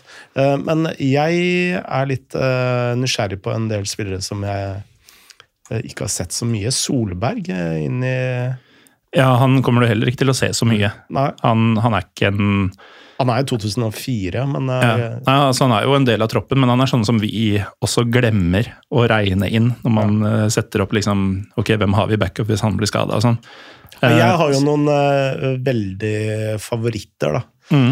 Uh, på, men uh, som jeg ser at eh, kanskje Geir og Petter ikke er like glad i. Eh, Knutsen, blant annet. Eh, han syns jeg er helt Ja. fantastisk. Han kommer til å spille rubbel og bit så lenge han er der. Eh, Han er jo, altså Dette er Magnus Knutsen som før forrige sesong ble solgt sønnen til Jon Knutsen, ikke sant? Ja. Stemmer. Um, han ble jo solgt til Rostov i Russland eh, rett før krigen brøt ut. Og eh, fikk jo da komme Eller ble jo da fristilt, sånn som alle andre proffer i Russland ble. Og kom tilbake på lån. Først var det vel ut i juni eller noe sånt i fjor, og så forlenga de det til juni eh, i år. Mm. Så han er jo i utgangspunktet der, i hvert fall i vårsesongen. da. Og så er det jo helt oppe i det blå hva som skjer videre. Altså det kan være at eh, Er det kontrakt som går ut da, eller er det bare at du må reforhandle lånet eventuelt? Da må man reforhandle. Ja. Og de er jo i sin fulle rett til å selge han et annet sted, og han er jo i sin fulle rett til å se andre muligheter for en tilsvarende avtale som han har nå, så den er jo litt skummel. Men han var jo Altså nå har man jo gått over fra ehm, Litt sånn gradvis utover høsten i fjor, egentlig. Så gikk man fra en 3-4-3-en som har funka veldig bra i 2021 og deler av fjoråret, til en mer sånn 3-5-2-aktig. Altså det var mye sånn 3-4-1-2-greier. For det er å finne plass til Åsen i den midtbanetrioen. Men nå sier man 3-5-2, da. At det er det man går for. Og det er jo for å få Lene Olsen og Adams eh, sammen på topp. Og så var det jo inntil nylig sånn at Knutsen eh, Etter at eh, Matthew og Kairin har dratt, så har det jo vært litt sånn Det er jo nykomponert sentral midtbane. Og da har det vært sånn at Knutsen har hatt ankerrollen der. Og det mm, er en rolle han kan løse, selv om han ikke er helt den typen LSK helst skal ha der. Altså litt, eh, litt mer ballspiller og litt mindre murbrekker, Knutsen. Mm. Men så henta man Vebjørn Hoff nå, eh, som da antagelig gjør det sånn at Knutsen kan spille indreløper. Han Eh, er jo en boks-til-boks-spiller, og da får du det beste ut av Knutsen òg, vet du. Mm. Eh, Gjermund Aasen i den andre indreløperrollen for øvrig, eh, Simen. Mm. Um, og så har man jo potensielt det beste spissparet i hele ligaen, eh, hvis de finner ut av hverandre. Altså Ja. mer og mer av det de siste treningskampene, og cupkampene for den saks skyld. Mm. Og så er det jo litt sånn Man er veldig avhengig av å unngå skader i enkelte posisjoner, og da har man jo f.eks. den høyre vingbekken. Der har man jo tre spillere hvor ah, Nå sist så var alle uh, ute på, i mer eller mindre grad. Uh, Andreas Vindheim, som også er på lån fram til sommeren.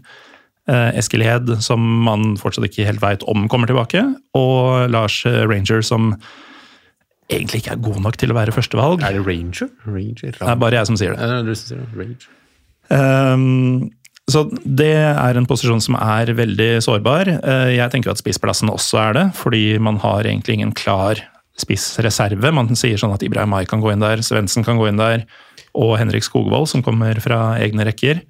Men uh, mest sannsynlig så vil man jo kunne måtte endre formasjon hvis man får en Mm, ordentlig skade på en av de to gutta. Ja, Um, for det er jo et kval veldig kvalitetsfall fra mm. Altså, det Og jeg har full forståelse for at du ikke kan ha tre like gode spisser i den rollen der.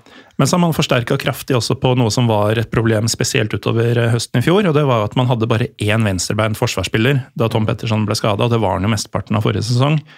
Eh, Det gjorde at eh, Vetle Dragsnes, som jeg mener er en av de beste venstrebekkene i serien, i hvert fall i wingback-varianten, eh, han måtte spille mye stopper. Magnus Knutsen gikk da ut på venstre wingback, og det ble bare, bare rør. Men nå har man jo henta inn Um, to venstrebeinte stoppere, hvorav han ene også kan spille wingback og er komfortabel med det. Uh, I tillegg til at man da har uh, fått inn Vetle Skjærvik til å utfordre Garnås på den høyre sida. Så utenom den høyreback-posisjonen så ser man veldig godt forspent ut bakover. bakover. Jeg syns det ser bra ut, altså. altså. Det er det eneste på en måte eh, jeg hadde lyst til å spørre deg litt om når jeg kom hit, Morten, var jo den altså Overgangene inn er jeg enig, ser veldig bra ut, og da spesielt på en måte Hoff og, og Gabrielsen, men det er jo fortsatt to veldig sterke navn som går ut, da. Med, med, med Matthew og, og du har Ogbu bak. Om, altså, Og Karin. og Karin. Eh, hvor- hvor store kommer sammen Altså, er det tro fra LSK-leiren om at man er forsterka i de posisjonene, eller er man liksom bitte litt svekka, eller hvor, hva er på en måte På midten så er man nok i sum eh, svekka. Ja. Eh, Det, det vil jeg si. Eh, Og det er jo fordi altså Nå snakker jeg mot mitt eget image her, men Matthew var jo en av de beste i ligaen som en sånn ryddegutt på midten. Ja. Han er ikke erstattet i en håndvending. Nå var jo Vebjørn Hoff jævlig god for Odd utover høsten i fjor, men det er ikke, han er ikke helt samme typen. Eh, Og uansett eh, så så må man jo da sette sammen en helt ny konstellasjon der. Og det er også litt det man har sett i Forsvaret, som jeg akkurat snakka så varmt om, er at det er jo det er en helt ny gjeng som skal spille sammen. Eh, Så det, det kommer til å ta litt tid å få ting til å sette seg, men jeg tror også at det at man går fra en toer sentralt til en treer på midtbanen der, Er for å demme opp uh, Matthew? jeg, jeg tror det. Eh, og så var jo også Kairin mindre toneangivende i fjor enn enn eh, man kanskje tenker, fordi han var mye skada. Han kom seg jo etter en operasjon som han hadde tatt på vinteren, så han var jo ikke på banen før ute i juni en gang, tror jeg. Og var litt sånn inn og ut, eh, både kvalitetsmessig og ut og inn av laget med litt sånn smågreier utover sesongen, så det tenker jeg er et ganske bra salg eh, også. Og den beste fotballen LSK spilte i fjor, var jo uten Kairin, men med Magnus Knutsen. Så i sum er nok midtbanen litt svakere, men jeg tror ikke at den er så mye svakere at LSK blir svakere. Og jeg tror faktisk at man nå, litt i mangel på, um, på um, kandidater ellers, siden jeg ikke regner inn Brann, mm. at uh, man nå tar sin første medalje på 22 år. Tar tredjeplassen. Mm. Nå ble det veldig mye LSK kontra de andre lagene, men, men Det er fint, det. Men Eller... du, du, nevner ikke Ogbu som et savn? Eh, jo, men Ruben Gabrielsen er jo antagelig like god nå som det Ogbu er nå, hvis du skjønner hva jeg mener? Så han er ikke gammel blitt? Nei. Nei. Eh, så lenge han holder kroppen frisk og ikke går for mye på Martins. Eh, ja, det er det, da. Ja, det er jo det. Jeg, jeg, er med på et lite spørsmålstegn der, altså. Men eh, Er han fra Elverum, eller er han fra Rælingen? Han er vel fra han er vel fra Oslo, tror jeg, men flytta til Gjøvik eller eh, noe sånt i ung alder. Ah. Og vokste opp delvis der. Eh, det var vel fra Gjøvik-Lyn, tror jeg, at LSK hente han som 17-åring. 16-åring. Ja, det tror jeg stemmer. Um, nei, men altså Kvalitetsmessig så er en um, tørrlagt, holdt jeg på å si, en, en frisk og rask uh, Ruben Gabrielsen like god som det Ågbu var nå. Ja. Og Ruben som type erstatter jo også på, i stor grad Pål André Helland på treningsfeltet og i garderoben, tenker jeg. Mm. Med vinnerskalle og rutine fra vesentlig høyere nivå enn, en det mange av de andre her har. Mm. Um, så jeg sier tredjeplass. Du sa tredje eller fjerde, Frode. Mm. De står nummer tre hos meg. Oi. De gjør det. Dette er eh, faktisk en helt surrealistisk opplevelse for meg. For vi på Romerike har blitt beskyldt så mange ganger for å være um, Romerike?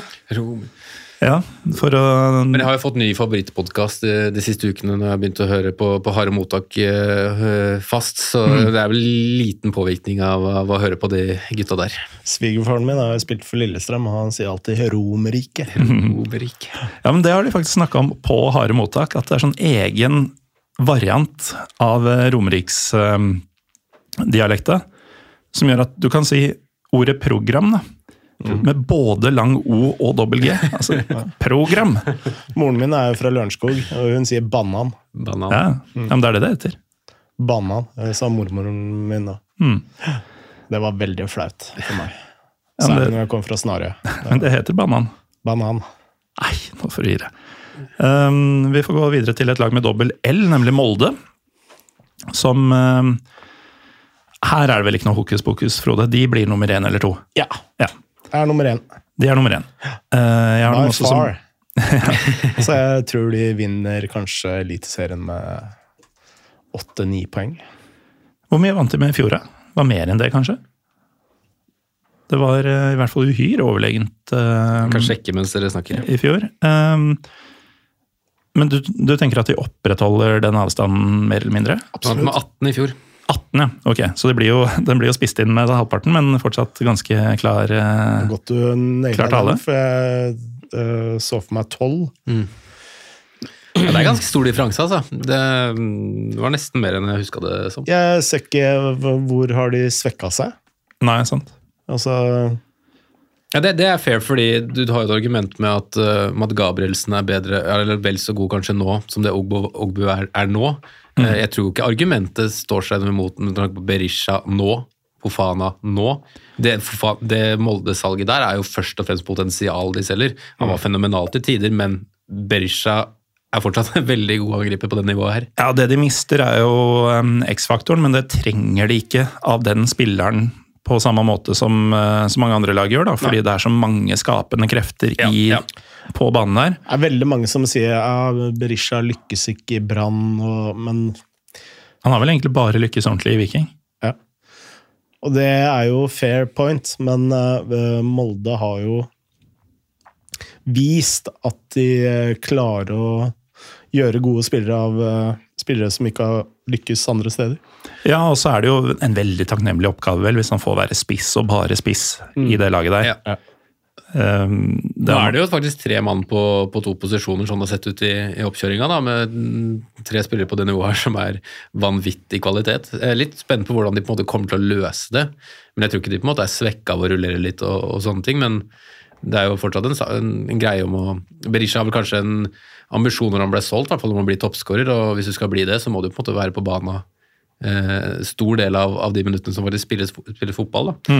Men, men det Molde skal ha skryt for synes jeg, de, de siste årene, også er jo det eh, jaget etter å forbedre seg, jaget etter å utvikle seg, med å endre formasjon, prøve litt trebecks, eh, se stadig etter mulighet til å, å forandre og forbedre seg. Da. Fordi det er jo kanskje noe som kan være an- ankepunkt i at du eh, tipper Bodø-Glimt litt lenger ned og får en dårlig sesong i år, Frode. at de spiller på nøyaktig samme måte, og da kommer du til et punkt hvor du faktisk Ja, da er det sånn man stopper de, da finner man plutselig en formel, og så kopierer jo lagene inn det hvis man faktisk gjør det, da. Mens Molde er i enda større grad fleksible, og en enda større grad Altså, de har flere strenger å spille på. Ja, eh, nettopp. Eh, Godt poeng. Altså, de har jo uh, fra Eriksson, Eriksen, uh, Ketolano eh, Eikrem altså, Det er jo en stor variasjon av styrker. Da. Altså, en har løpskraft, andre har kreativitet. Ikke sant? Det er uh, mye spisskompetanse da, i det laget der. Mm, så er det ett av to lag som har basically dobbel dekning over hele fjøla. Da. Eh, når vi var inne på LSK stad, så har jo de det i stor, stor grad defensivt, men ikke offensivt. Det, det, altså, de har, Mye ungt talent, mannsverk og ja. Ja, det, har mange, det var mange spillere der. altså Fofana gikk for en stor sum, men du har en del eh, spillere i Molde som også kommer til å forlate landet for, for store summer. altså. Ja, så er det jo sånn, De, de har ikke handla veldig mange. Eh, De har klart å bruke mye penger for det, men det, eh, av spillere som er verdt å nevne som har gått ut i Molde, så er det jo selvfølgelig Fofana og så er det Etzas Hussein. Eh, Utover det så er det mye stallfyll og folk som ikke spilte noen stor rolle i fjor eh, uansett. Hussein er, Hussein er ikke noe tap nå, når man ser på en måte troppen og alternativene de har. Nei, ikke sant? Og så har du fått Kitolano inn i sånn noenlunde samme posisjon der. Og så han Fikk du, tieren, han. og så har du Berisha innfor Fofana, og så ja, har du mye av det samme fra i fjor. Da. Det, det, det er jo ingen posisjoner som er svekka, snarere tvert imot. Og um, den koden de um, knakk i fjor, og husk, de hadde mye skader i fjor, hadde jo ingenting å si. Så nei, de ser skummelt gode ut, altså. Men eh, likevel så Siden du er, hadde Glimt på første, Simen. Ja, jeg står på det. Jeg har eh, Glimt som, eh, som favoritt, men eh, eh, jeg har Molde som eh, Men hvordan skal uh, Bodø-Glimt ta igjen eh, 18 poeng? Nei, altså Jeg tror de fikk seg en lærepenge i, i, i fjor med å ha hatt litt, uh, litt utskiftninger over tid, og så at man har fått liksom mer belastning og, de, de ting, tinga der. da. Jeg syns fortsatt at elveren og, uh, og sånn er bedre hos Glimt. Um, nå har jo det med Jeg er jo så voldsomt glad i Hugo Vettelsen, da, men det, det er nesten hovedargumentet at jeg tror Bod- Bodø-Glimt tar, tar ligagullet. Men Hugo men er Vettelsen, er det fordi han Altså, han er jo en jævlig deilig spiller å se på. Ja. Altså, det, det, det er jo kunst å se han eh, spille fotball. Men øh, når du liksom skal telle målpoeng og skal telle det som avgjør kamper og sånn, altså Er han der? Hva var det han hadde i, i fjor? Men det er ikke helt sikker på at han når opp til det. men Altså, det er ikke en påstand, det er et genuint spørsmål. Ja, altså Han skal jo følge opp det han leverte i fjor også, men det var rundt 30 målpoeng. var det noe sånt. Um, men de har jo også andre navn, også Pellegrino og, og andre som tar seg den kaka også. Men um, altså Glimt nummer én og så er det Molde nummer to, og så er det et stort gap i kvalitet. Um, vi, får, uh, vi får se hvor, hvor stor differansen er. Uh, uavhengig av hvem som vinner, så tror jeg differansen er ganske mye mindre enn i, i fjor. Men, um, men mitt tips er liksom Bodø 1, Molde 2, altså. Ja. Um, vi går videre til et lag som jeg tenker i mitt stille sinn det er ganske lite å si om. Ehm, fra Skien så kommer det en eldgammel klubb ved navn Odds eh, ballklubb. Uh, Simen, hva uh, får, du, får du noe følelse når jeg nevner Odd? Ganske lite, men det er det også Ledende spørsmål. litt sånn nøytral klubb, føler jeg, liksom for, for, jo der oppe, da. Så de bør jo kanskje være prata mer om. Hadde jo en veldig god sesong i fjor, ble jo nummer fem, vel. Um, Vebjørn Hoff-sesongen. det, det vil jo noen si. Uh, Milan Jevtovic-sesongen vil kanskje andre si. Han var jo fenomenal i fjor. Um, synes jo troppen er egentlig svekka med tanke på at de har mista sjefen bak der i Bjørtuft. Eh, Steffen Hagen og Espen Ruud blir jo ikke yngre.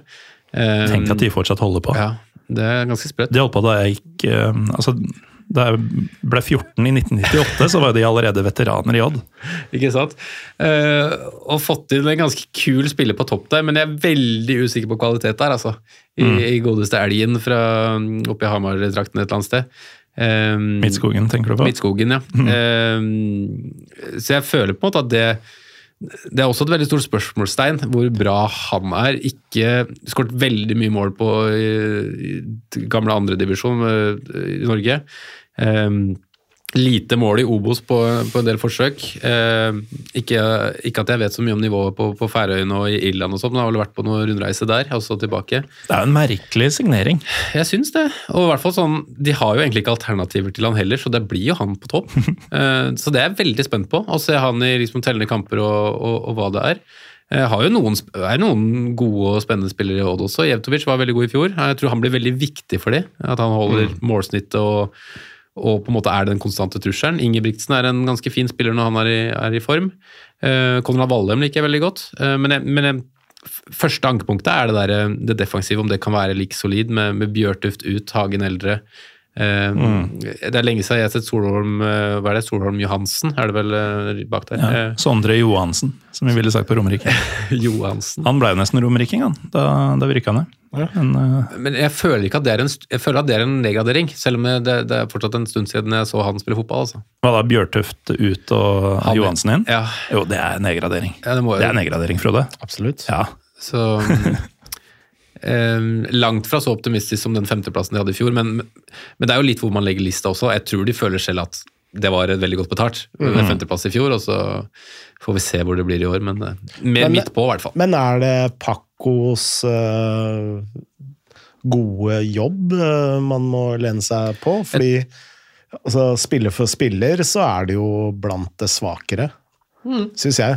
Eh, ja, det er i hvert fall Det er, det er en veldig sånn Når altså, du De har en veldig god keeper. Um, ellers så er de vel ikke veldig overbevisende i noen pos posisjoner. Nei, altså, altså- de har erfaring og ja.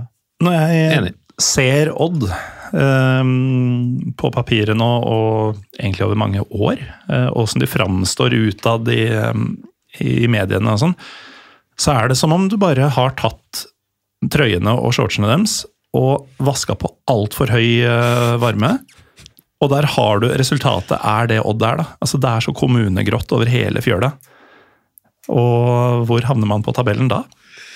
Det jeg har satt i Skal vi se eh, Nummer ni. Ja, Ganske nøytralt midt på. det er nøytralt. Men det er mulig, det kan fort være at jeg har vært litt snill der. Jeg vet ikke hva dere har. Jeg. Jeg har vært enda snillere, men det er fordi, um, og dette er jeg helt ærlig på, Odd måtte jeg bare sette inn da jeg jobba meg nedover tabellen, før jeg glemte at de fins. For ellers hadde jeg sittet der med 15 lag og bare sånn her, hvor blei det av det siste? Men det, det lukter jo litt eh, midt på tabellen av begge de tipsa, så Frode, du blir litt sånn tiebreaker her. Jeg, jeg har de på tiende. jeg. Ja. Da blir det Men, men jeg, jeg tror- jeg tror jeg er ikke overraska om de eh, kommer høyere på tabellen nå. Nei, jeg holdt på å si at jeg er ikke overrasket hvis de kommer lenger ned på tabellen, men ja. Ja. nei, men de er i et sånt sjikte hvor jeg tror det er veldig lite som skiller mellom en 7. og 11. plass, da, for eksempel. Men jeg tror det er et godt poeng med, med du sier med, med Paco, da, at det står veldig mye på han og hva han kan på en måte trylle, trylle fram. For man har jo sett at det har gått skeis også, Ja. og plutselig så går det skeis ut fra start, og så blir det på en måte en evigvarende kamp i bånn. da, Det var jo veldig opp og ned. Ja. Men eh, et lag som eh, er klink nummer seks, eh, de spiller også i hvitt og svart, og het Odd inntil 1927. eh, Rosenborgs ballklubb. Ehm, det kan vel ikke gå dette her, Frode? Femteplass. Men altså, de har jo også hatt en del del spillere ut som kom fra ingenting. Mm. Eh, og var jo helt uh, outstanding. Eh, jeg kan ikke skjønne at de skal klare å erstatte det. Og så har de et for dårlig grunnspill eh, til et topplag til at de skal liksom Ja, og så kommer jeg, tenker, jeg mener at vi egentlig så det ganske store deler av forrige sesong, frem fram til Tengstedt kom og egentlig redda eh, hovedinntrykket Helt litt. Fantastisk. Eh, han fikk jo til og med han andredivisjonsspissen ved siden av seg til å se ganske bra ut. Eh, han er jo borte nå. Men det vi så før han kom inn, og som jeg tror vi kommer til å se mye av i år, er jo at det er jo det er jo en så mismatch mellom den der hele RBK-brakka og godfotteorien og sånn, og det som foregår altså på trenerbenken og i spillelogistikken nå.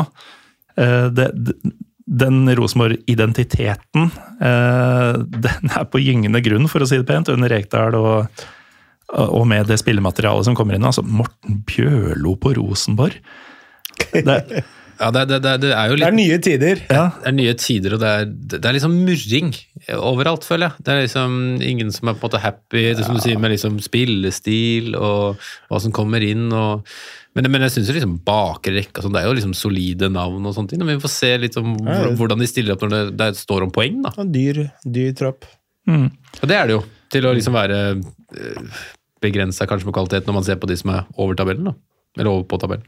Ja, det er det. Og så er det um, altså Når du nevner eh, spillere som har forsvunnet ut, eh, Frode, altså Tengstedt selvfølgelig, eh, Stefano Vecchia Hvem er det som skal skape noe for dette laget her? Altså, Én ting er jo spillerne, en Ja. ting er jo spillerne, men uh, en annen ting er jo hvordan de spiller. Altså når du ser Altså når du ser Molde, uh, du ser Bodø-Glimt, um, Brann. Brann uh, Hvilke andre lag er det altså, Så er det type lag som du veit kommer til å skape masse målsjanser.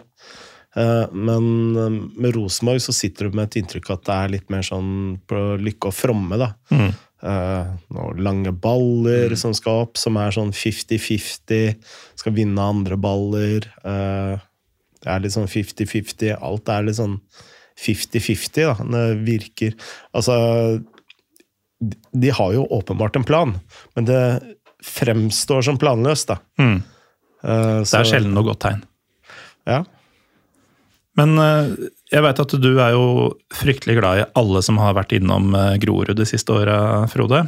Nei, jeg er ikke så glad i det, men, men det er jo i nabolaget mitt, så jeg Ja, ja men du, ser du, det ofte. du har sansen for mye spillere derfra. Og, og med rette også i stor grad. Altså Elias Hagen, kjempegod. En Eh, god, god generasjon. Det, Altså, det som er interessant, da, det er at uh, hvis du går tilbake tre og fire år, så de eh, Grorud-versjonene der, så spiller jo nå alle spillerne i Eliteserien, og mange av dem i Rosenborg. Uh, Nettopp. Og det er jo Oskar Aga jeg skal fram til. da. Ja. Fordi han ser jo ut til å være henta som den umiddelbare løsninga på, på Tengstedt-fraværet. Og for så vidt eh, Sæter er vel både litt ute i kulda og eh, hørte jeg nå er skada fram til juni, eller noe sånt. Uh, det er så lenge?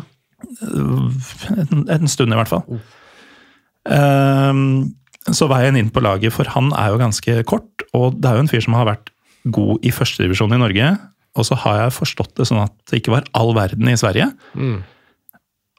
Tror man virkelig i Trondheim at dette holder? Altså, Oskar Raga var jo en sånn typisk statistikkspiller. Altså, han hadde veldig mange mål. Um, når du går gjennom eh, målene hans, så var jo liksom majoriteten, og da mener jeg over halvparten, var jo straffer. Mm. Uh, eller frispark. Uh, så han er jo ikke den som Han er en veldig god avslutter. Det, altså, han er en god avslutter, det skal han ha. Uh, men uh, han er ikke, er ikke Rosenborg-kvalitet eh, sånn jeg ser det. Nei. Er Morten Eh. Bjørlo det? Nei. Nei. Men uh, Leo uh, Chornic, eh, han skjønner jeg at de henta. Det var bra signering. Ja. Og han viste seg både å være drittsekk nok på banen Ja. og god nok Hvis vi skal Men- til å spille for Rosenborg. Men det som er litt interessant, da, det er når du ser på Grorud, de har jo hatt veldig mye lånespillere, sånn Elias Hagen for eksempel. Da. Mm. Og når du ser eh, Grorud spille, så tenker jeg veldig ofte at eh, det er liksom det er ikke de beste spillerne som blir henta. Og det, det, er jo litt sånn uh, frustrerende, da, at uh, de har så mye gull, uh, men det er ingen som henter gullet. Oma Bulli til Vålinga nå, det er liksom første gangen jeg har tenkt at det, det er jo han alle burde ha henta. Nå sliter jo han veldig med skader og sånt, men det er jo en spiller med ekstremt X-faktor. og hvis jeg setter Oscar Aga ved siden av Oma Bulli, så er det litt sånn å parkere en Lada ved siden av en Ferrari. Uh, det er, og, og, det er det som er litt interessant Nå stikker jeg litt unna, da, men i norsk fotball nå, særlig med innføringen av akademiklassifiseringen, hvor altså, eh, spillerutviklingen blir veldig strømlinjeforma, så får du også veldig mange like typer spillere. Mm. En del av de spillerne som eh, kommer fra Oslo øst, og som ikke har gått på disse akademiene, de er liksom en helt annen type fotballspillere. Kan sammenlignes med, med spillerne du finner i London Syd eller uh, i, i, Paris. Altså det er ballbingespillere eh, som har litt mer flair, som gjør det mer uventa enn alle andre. Og der er det jo bully, og, og, ikke minst har en helt annen fysikk. Uh, og der er jo spillere som Oma Bulli. Uh, og når jeg ser på Oskar Aga så, under Grorud Ja, han skårte mange mål, men det, som jeg sa tidligere, det var jo mange av disse straffene. Men de virkelig, virkelig spennende spillerne som burde ha vært i eliteserieklubber, de er der fortsatt. Mm. Det er ikke Og er, jeg syns det er helt merkelig, for det er, det er sånn ofte jeg tenker Fader, er ikke disse sportsdirektørene på kamp, eller? Hva, hva, må sette faen og følge med. HamKam hadde jo sikkert gjort rent bord der hvis de hadde hatt sportssjef. Trace Murray er et godt eksempel. Uh, og jeg husker jeg diskuterte For han var en av de aller beste spillerne på, på det Grorud-laget hvor Oskar Haga også spilte. Han det, kom der litt uh, tidligere. Uh, men uh, alle som uh, fulgte med, visste at det var Trace Murray som var den beste spilleren på trening. Nå, han jo, altså nå er han jo 30 år og har gått til Ålesund. Så han er jo nå over toppen, men folk burde jo ha henta han for fire og fem år siden, når han virkelig var god. Og han kommer til å være god fortsatt, det er ikke det jeg sier, men det er liksom da han var på høyden. Men da husker jeg jeg snakka med en sportsdirektør i Obos uh, uh, for et lag som nå er i Eliteserien, og han sa til meg han er ikke god nok for Obos-ligaen engang. Og da tenker jeg det er faen meg helt utrolig. Mm. Det er faen meg helt utrolig. Og Oma Bulli, så lenge han kommer til å holde seg skadefri, han er så god at han har potensial til å nå landslagsklasse. Men, Ingen tvil om. Og de spillere er der enda. Ja. Uh, vi må videre, men uh, Simen, ditt uh, Rosenborg-tips før vi går videre til noe jeg, fargerikt. jeg føler argumentasjonen har vært krassere enn uh, sluttplasseringa, men jeg har satt dem som nummer fire. Jøss. Yes. Det er jo um, kjempeoptimistisk, sånn jeg ser det. Hva, um, som har dem to plasser under. Ja, nei, hva, hva, får dem så høyt? Jeg syns um det er vanskelig å plassere Rosenborg, Brann, Viking, Vålerenga, Sarpsborg i rekke, riktig rekkefølge. Mm. Uh, så jeg sliter med å sette på en måte Rosenborg Jeg er litt som deg, at jeg ikke har lyst til å sette Brann på en måte helt på topp fire. da. Mm. Uh, så jeg satte de liksom som, som, nummer fem, og så sliter jeg liksom med rekkefølgen på de andre i det sjiktet der. Men jeg føler ikke at jeg kan sette Rosenborg under noen av de andre lagene, så derfor ble det fjerdeplassen det ble på. Et lag som man kan sette under veldig mange, tror jeg, det er Sandefjord. Men faren med å sette Sandefjord på sisteplass, som jeg gjør hvert eneste år, er jo at de aldri presterer sånn som jeg tror de skal. Ja, men nå ryker det. Det må det nå, ikke sant. Altså, når jeg ser på um, spillere inn og spillere ut, så har jeg, jeg har ikke helt ærlig, jeg har ikke hørt om noen av de spillerne de har henta inn, utenom eh, eh, Komson.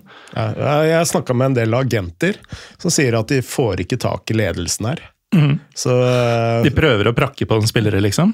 Eller, Nei, ja, altså, de, de har spillere som Sandefjord kunne trengt, Ja. men Sandefjord vil ikke høre. Er det Bugge, er Bugge som sitter der nå? I, som noen sportsdirektør eller sportssjef? Eller Det er litt? Han har en eller annen eh, lederrolle, i hvert fall. Men uh, ja.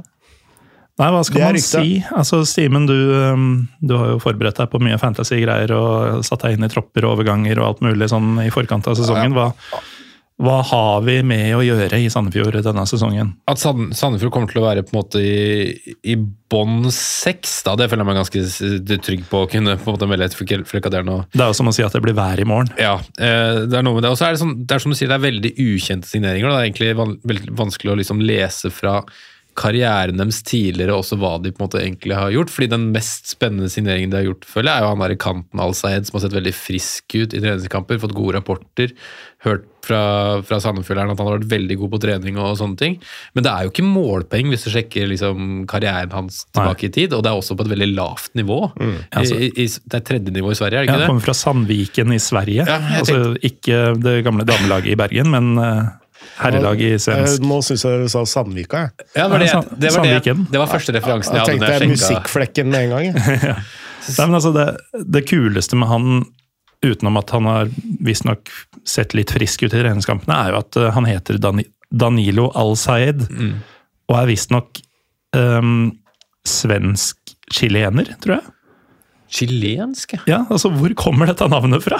Og Danilo gir jo mening, men eh, det er i hvert fall det transfermarkedet opererer med av eh, eh, nasjonaliteter. Ja, For jeg tenkte mer østover når vi fikk, fikk etternavnet der. Ikke sant? Det er noe veldig merkelig over, over dette her. Men eh, det blir jo for så vidt spennende å se, da. Eh, og det er jo det positive man kan si om overgangsvinduet til Sandefjord, kanskje. At Det blir jo spennende å se, fordi vi aner jo ikke hvem disse gutta er.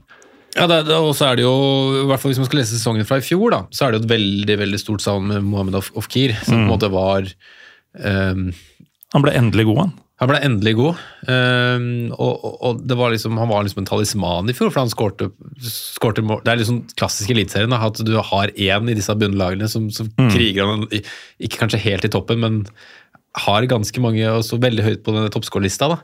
Så han var liksom den, den i fjor.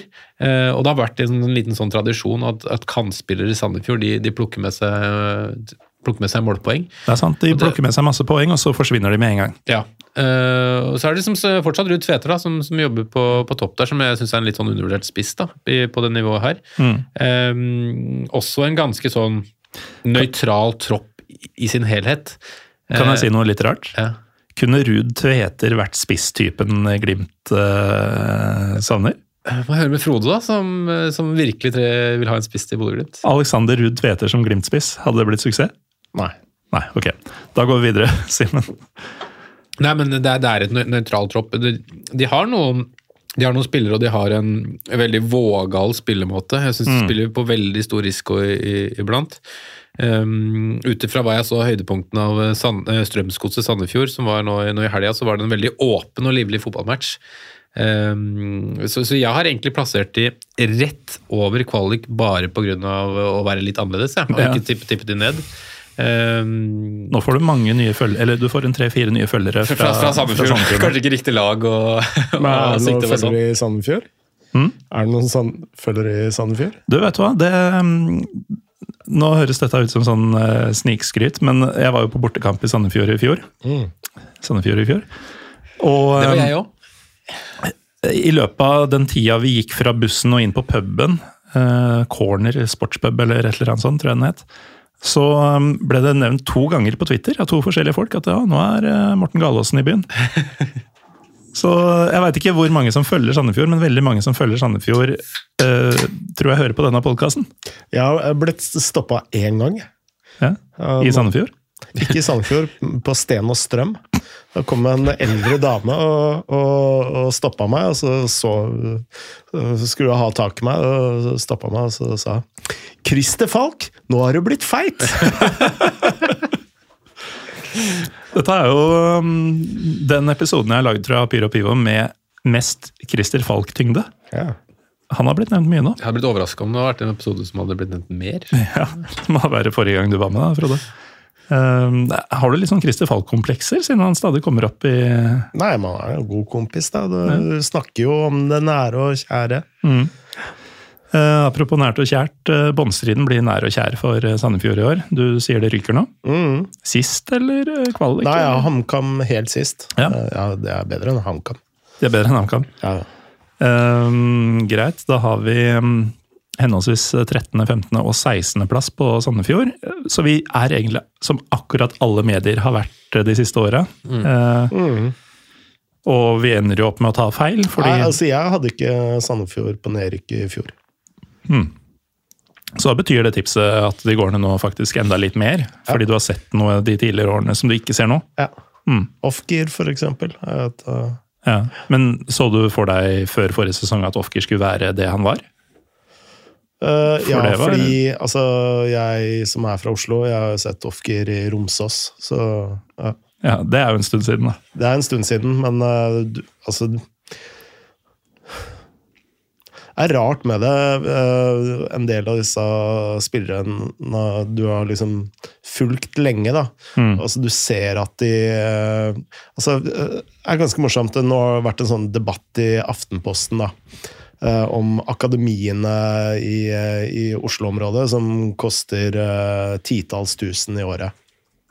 Eh, og alle snakker om at uh, dette fungerer, og se på Felix uh, Horn Myhre som har blitt skapt av Ullern og ja, Men eh, det er jo liksom feil spørsmål. Hvor mange spillere fra Holmlia er i Eliteserien, på en måte? Eh, de har jo 14-årslaget til Holmlia har jo ikke råd til baller engang. Altså, de har to baller i ulik størrelse og ulik farver, og en eh, 16-åring som trener laget, liksom. Så Det handler jo om på en måte så mye mer enn det som skjer på, på treningsfeltet. Det handler jo om, først og fremst om gleden med å spille fotball for de aller, aller fleste. Og ja. flest mulig touch, flest mulig timer med en ball. Så du ser en del av disse spillerne som off-gear, da. At uh, den der leken de har, og det der toppnivået de, du veit de har Fordi eh, altså de har en forståelse for spillet som er eh, altså ikke lært og, og terpa på, men det er bare et resultat av mye, mye lek og mye, mye ball, ballspill. Så jeg var ikke overraska over det. Jeg spilte mot Ofker i 2013 eller 2014. Da var han veldig ung, da. Men da husker jeg også at han var en sånn veldig leken type som, som veldig gjerne ville ha det med på, på løpetur. Ja. Eh, veldig frisk type på kanten der. LSK2. Ja. Eh, Hvor eh, var du da? Røyk 10-1 mot LSK2 inne i Lillestrømhallen. Det, det var et voldsomt lag de, de sendte ut der, altså. Med Pellegrino og Fred Friday som jeg hadde på, på bekken min der, som jeg, ja, jeg ble var en totalt rundingsbøye. Gru, grue spilte jeg i da. Grue. Ja, det, Du er fra Ståle Solbakken? eh, Nei, jeg er fra. Kongsvinger, da, men uh, dro til Grue fordi at jeg ikke var god nok for den integrertssatsinga til, til Kongsvinger. Kongsvinger har jo tett samarbeid med NTG, så det er jo mye gode talenter som kommer der. Så jeg var førsteårsjunior og ikke, ikke god nok, så da måtte jeg finne en breddeklubb i, i nærheten. og nå sitter du her og drikker øl. Her sitter jeg og drikker øl. Tredjesjon ble, ble toppen av min karriere. Ja, men det er høyere enn eh, enn vi to har fått til, eh, Frode. Jeg spilte Norway Cup eh, som var det 13-åring, kanskje. Det var det høyeste jeg kom. Frode sier ingenting, så det ikke så mye fotball der heller. Nei, jeg har blitt eh, Nei, jeg skal ikke si det. Det er jo, det er jo en eh, litt sånn gjentagende greie her, men vi kommer til et nytt lag som jeg syns det er veldig vanskelig å spå. Sarpsborg. Ja. Og de er vanskelig å spå innad i sesonger også. Altså, du driver jo en del med betting, Frode. Eh, Gjør jeg det?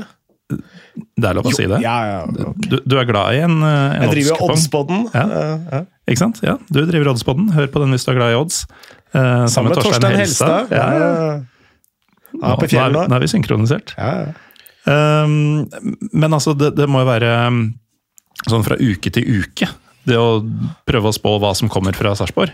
Dessverre så er Sarpsborg et av de lagene jeg har sett minst i, eh, i vinter. Jeg bare registrerer at eh, de har signert en veldig, veldig spennende spiller, eh, som jeg gleder meg til å se. Christopher Bonsoba. Ja. Eh, Ja, det, ble, det ble meldt når vi prata litt i de, forberedelsene forberedelsen til Fancy-podkasten at eh, Sandefjord var en kandidat til tredjeplassen, og da begynte jeg å Sarpsborg, mener du? Ja, Sarpsborg, sorry. Eh, og da begynte jeg å lure på hvor er det jeg ikke klarer å hente informasjon fra, så får det her til å stemme. Eh, og jeg sjekka også oddstabellen sånn cirka samtidig, så da lurer jeg på om de var sånn ganske klar favoritt å bli nummer Altså ganske klar, det var et lite gap mellom de og nummer sju, da. At de var liksom tippa nummer seks av, av, av bookene. Jeg vet ikke om det har på en måte oppdatert seg, men også ja, lag som er vanskelig å spå, et par nye spillere inn. Jeg har hørt ganske mye bra om han Lundqvist også, som har kommet inn. Skal spille antageligvis en eh, tier i 4-2-3-1, og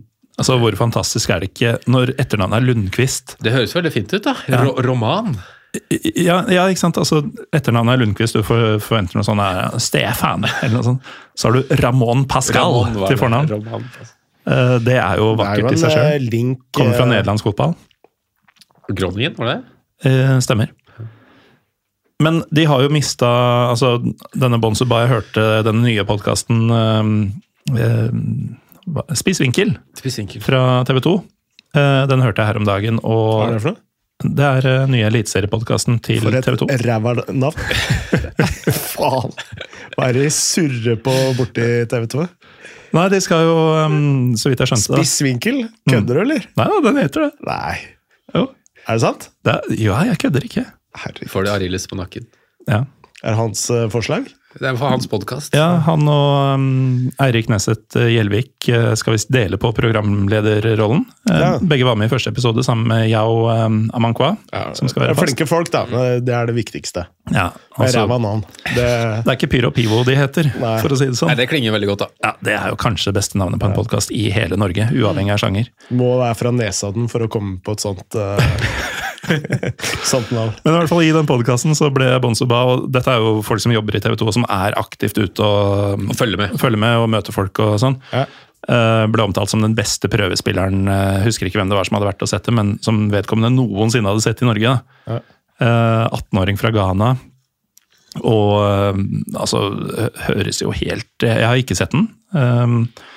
Det har jo de færreste, men han høres jo ut som den nye altså Gudene veit hvor, hvor høyt det taket skal være. Men ja, det de er, har jo gjort det greit med afrikanske spillere. Er det samme link som Det vet kanskje du mer om? Er det samme link som på en måte henta Krepen Diatta og Nei, og det er jo eller? Senegal, så det, Det er Sen- ja, okay. tipper det er et annet spørsmål, ja, det, Men det veit jeg ikke. Nei. Ja, For det var jo en suksesshistorie. Og Man ser jo litt for seg eh, Mm. Man litt av det samme når, når man får de, Jeg har hørt de samme rapportene som deg. Mm. Så det er jo liksom Man får, man får den eh, eh, Det er lett å dra den sammenligningen da, med en gang. Når det liksom er en afrikansk spiller så fremadstormende. Mm. men så var det jo sånn eh, Sarpsborg på sitt beste i fjor ble jo omtalt som et veldig sånn underholdende spillende lag. Eh, mye kreativitet. Mye av det var jo Tobias Heinz og Anton Saletros. Begge er borte. Ja. Eh, har egentlig mista ganske mange spillere, så er det ikke så veldig mange av dem som er spesielt viktige, tenker jeg. Uh, du kommer til å savne Jørgen Horn på treningsfeltet, sikkert. Men eh, av de som har kommet inn, så er det jo veldig sånn Det er jo veldig Sarpsborg i det hele tatt. Da. Mange ut, mange inn. Og um, de aller fleste som har kommet inn, kommer jo holdt på å si utenfra. da, Fra Sverige og Ghana, Nederland, eh, litt eh, forskjellig. Så det er jo de er vanskelig å spå fra før, fordi de var um, ustabile i fjor. Og så er det veldig mange spørsmålstegn rundt eh, de som har kommet inn. Um, hva, hva er dine tanker om Serp, um, Simen? Nei, et sjikte mellom eh, Jeg vet ikke om jeg vil være så vågal å si helt opp nummer tre, men si fra fem til ni et eller annet sted. da. At det liksom er der. og og, og selvsagt så blir det en sånn nøkkelposisjon med de, med de to nye offensive, Lundqvist og, og Bonsuba. Altså de må slå til hvis man skal liksom hamle, henge seg på den Her måtte jeg gjøre sånn som du gjorde i stad. Finne den plassen og Den som var- var sto, stole Ja. litt på rapportene. Der jeg gjorde, mm, satte Odd inn. Jeg syns det er veldig trist at man ikke får se Martin Hoel Andersen, som jeg syns var veldig god i fjor, da, i Obos. Eh, For oss som skadet eh, følger fjerdedivisjon eh, uh, i Oslo så er Jørgen Horn han er jo med i FC Oslo, som ikke får lov til å kalle seg FC Oslo. Nei. Hva kaller de seg da? Nei, eh, i, altså i registrene til, til eh, Norges Fotballforbund så står det Gamle Oslo, men mm. det gir jo ingen mening, for de hører jo ikke til de gamle, gamle Oslo. Det er jo Kristiania ballklubb. Ja. Greit. Min klubb. Ja. Jeg har eh, valgt, eh, og dette er litt fordi jeg måtte ha noen foran Rosenborg. Jeg kunne ikke ha Rosenborg så høyt som femte, jeg ville helst ha den enda litt lavere, men jeg må jo Men jeg hadde Rosenborg på femte, jeg ville ha det notert. Ja. Um, Sikkert bedt. Det hadde jeg notert ned, faktisk. eh, Som i sum gjør at vi kommer til å sette dem på femte, siden En vi har spissvinkel? Klarer ikke det. Men Sarpsborg har jo et ekstremt sand for en tydelig og klar nummer ni, da, som jeg føler er ganske viktig. Altså en spiss, Ja, men- som eh, man som- kalte det i gamle dager. Altså Spissvinkel, her hører du det- Her er journalister uh, drodla Altså, nå skal vi ha en spissvinkel. Ja, men det er litt sånn Spissa, Når man hører spissa på tittel. De introduserer jo den nye podkasten sin tidlig i den episoden også. Ja. Og da er det litt sånn her, ja, men vi skal gå inn med litt sånn spisse vinkler og skarpe albuer og liksom røske litt opp i ting, da. Å, fy faen. Det er litt flaut. Vi er enige om det. Det, det fins bedre navn. Eller hva sier du, Simen? Ja, jeg kan, kan, kan støtte deg delvis. Men Det er ikke helt fantasirolle. du tror ikke Kiels eh, Martin Hoel Andersen er den spissen eh, som Sarpsborg trenger? han, han spilte mye på en måte Han spilte litt sånn Han har spilt hengende, han har spilt indreløper, han har spilt litt av hvert, men han har skada en god del av sesongen, ut fra hva jeg har forstått. Eh, Men jeg hadde bare gleda meg til å se ham på det nivået, fordi at jeg følte han var en av de få fra det Kiel-laget i fjor som, som virkelig kunne ta det steget. da. Um, og, og jeg likte egentlig veldig godt overgangen for hans del også. Eh, han er vel fra traktene et eller annet sted, tror jeg. Um, men generelt så syns jeg de, de mangler en, en tydelig spiss, og det, det, føler jeg på en måte alle lagene man plasserer over på tabellen, eh, egentlig har. Um, så ja, Kanskje bortsett fra ett lag, da, når jeg ser på min egen. Så um, også litt sånn vanskelig, men de har en del gode ballspillere. Og som du var inne på i stad, ekstremt varierende i fjor. De var vel halvveis var det nummer- fire eller noe sånt, og så tok de knapt poeng siste 10-15. Ja, og så endte de opp med å vinne på Lerkendal på slutten igjen der. Og, og liksom sikra ja, nei, det er et veldig merkelig lag. Ja, så de må først og fremst finne kontinuitet. Eh, og så må de få ut potensialet. Og så er de jo gode til å på en måte bygge tropp og, og hente spillere fra lavere divisjoner og sånne ting. Det har vært en ekstrem sånn derre eh, Hva skal man kalle det, da? Inn og ut av spillere de siste årene. Mange spillere inn, mange spillere ut. Det er liksom kontinuerlig arbeid på det overgangsmarkedet i, i Sarpsborg. Så mm, jeg har valgt å plassere de, skal vi se, nummer åtte. Ja. Um, så den tidligere nevnte femte til niende sjiktet er nå en klar åttendeplass. Ja. Eh, Frode, hvor har du Serp eh, på ditt uh, tips? Seks. Seks? Sjetteplass. Ja, fem her, så da blir det jo en øvre halvdel-posisjon på Serp ifølge Pyro Pivo. Det blir vel kanskje ikke på Stabæk, Frode? Nei. Eh, men jeg tror de holder, holder seg. Mm. Eh, Jeg tror at ehm, jeg, jeg så at eh, en av lytterne våre som jeg iblant pleier litt omgang med, eh, Christian Holum, styrmann på Twitter, han ble fra seg av raseri da Kevin Cabran eh, ble henta inn. Jeg tror ikke det er så dumt for eh, det laget her. Um, Nei, For, for negativiteten til Kabran, det går på, på måte holdninger, innsats, eh, litt, litt sånne ting? Eller nei, jeg tror han mener at han bare ikke har levert eh, på høyt nok nivå. For han er ikke noen ung spiller lenger, og han han har ikke. på en måte vist veldig varierende prestasjoner. Altså Man har jo sett til tider Mm. at Kevin Cabran er en god spiller på eliteserienivå, det har man jo sett. Men det har også vært veldig stor variasjon i Og den eneste måten å komme seg vekk fra Nadderud på, er jo å levere på høyt nivå eh, og få den kontrakta et annet sted. Eh, så jeg tror du får en eh, uvanlig eh, tent Kabran eh, i Stabæk. Mm. Eh, for det er jo ingen som vil være der over tid. Nei. Ja, jeg får eh, veldig sånn Laioni-vibb jeg, på Kabran. Mm. Det er ikke positivt. Nei. Uh... Ja, så Laioni fra han ble signert til Vålerenga? Ja. ja. Laioni alle andre steder enn første gangen i Glimt, vel? Ja, det er enkel å lese. Du, du veit at den alltid går innover. Altså, det er uh, han har for lite ting i Fremstår som at han har litt dårlige holdninger. Mm. Uh, Ja, det, det er jeg enig. Det, liksom, det virker som, fordi at han kanskje ikke yter maks. Det, ser ikke ut som han vil det her, på en nei, måte. ja. Men toppnivå har vi jo, altså ikke toppnivå nødvendigvis, men vi har jo sett at han har kvaliteter nok til å levere på eliteserienivå. Dette er jo kanskje uh, sånn stygt å si om noen du ikke kjenner, men jeg får mer sånn inntrykk av at han ikke liker å spille fotball. At jeg ser sjelden sånn spilleglede Jeg Og, forstår og da veldig godt hvor du vil. blir jo plutselig mitt argument helt snudd. Hvis du har en fyr som i utgangspunktet ikke liker å spille fotball, som nå må gjøre det på Nadderud. Ja, Da for eksempel, du nevnte Hugo Vetlesen. Da. Det er sånn, Når jeg ser han spille fotball, så tenker jeg han elsker å spille fotball. Ja. Um, Mm. Men og Same, for eksempel. Da. Det er sånn du, Han kommer til å savne i år, altså. du veit han det gjør ikke jeg. elsker å spille fotball. Mm. Jeg, har jo fått jeg bor jo på, på Carl Berner, så jeg har fått det som vane å dra på, på Intility og, og se Osame når han er i humør. Fy fader, og Men det er noen altså. fotballspillere som når de er ferdig med karrieren, bare slutter å spille fotball. Så er det noen som bare spiller hele tida. Arne Dokken, for eksempel. Han husker jeg. Han uh, spilte på Åråsen uh, mange år etter at han uh, hadde lagt opp. Mm. Så Ja, Du tror ikke Kevin Cabran kommer til å gjøre det?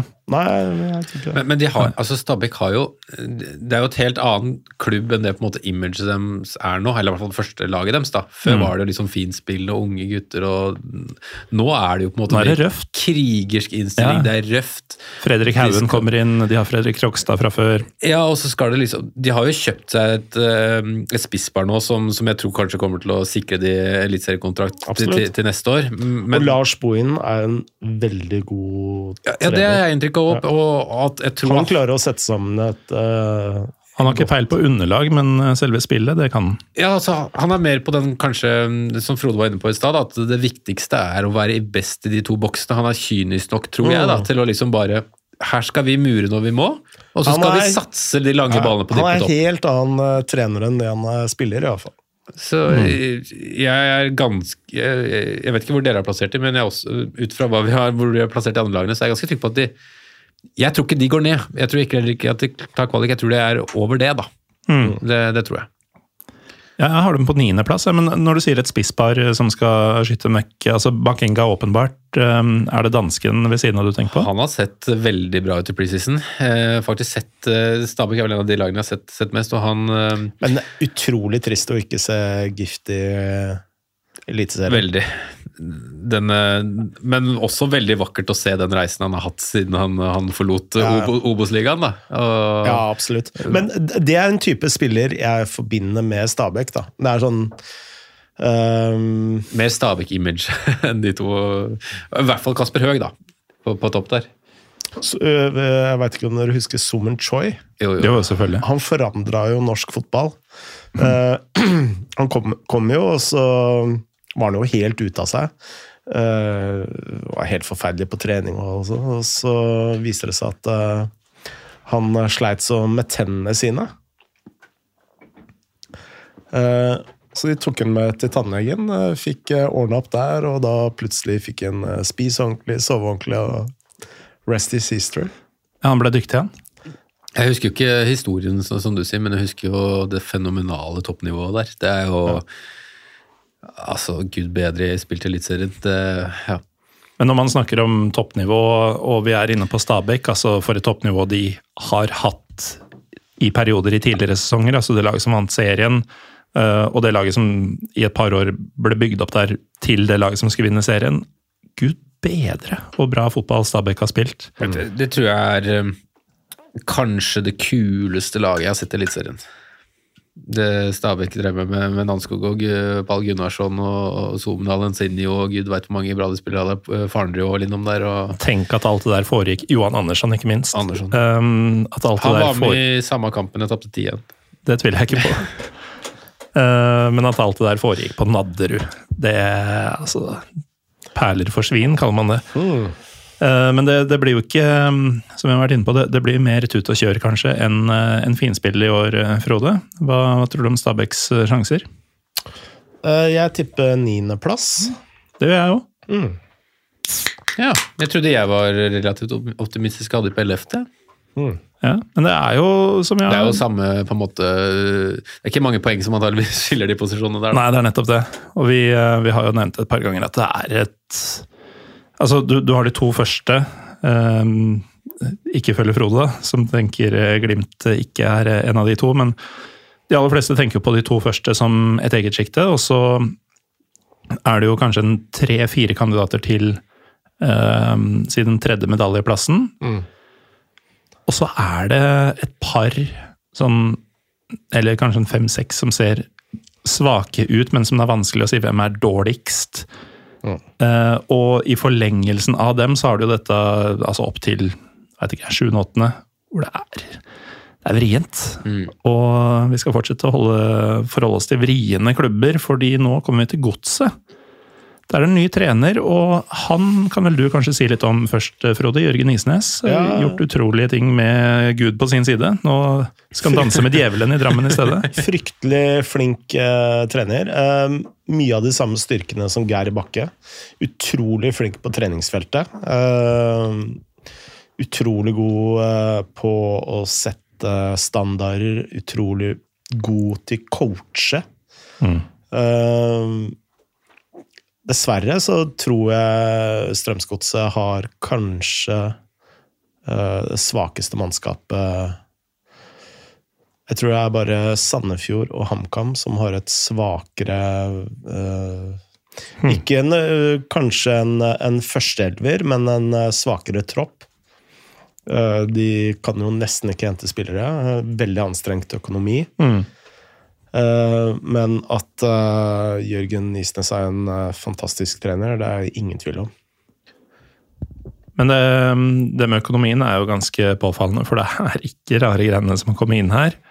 Eh, Det er vel utelukkende fra lavere divisjoner enn norsk eliteserie som har kommet inn i vinter, og ut har jo f.eks. Johan Hove gått. Eh, Det kommer man til å merke. Fred Friday skåra ikke veldig mye mål i fjor, men var en viktig del av mye av det oppbyggende spillet, blant ja, annet. var visst uh, ufattelig dårlig i garderoben. Uh, Skapte mye splid og kaos. Yes.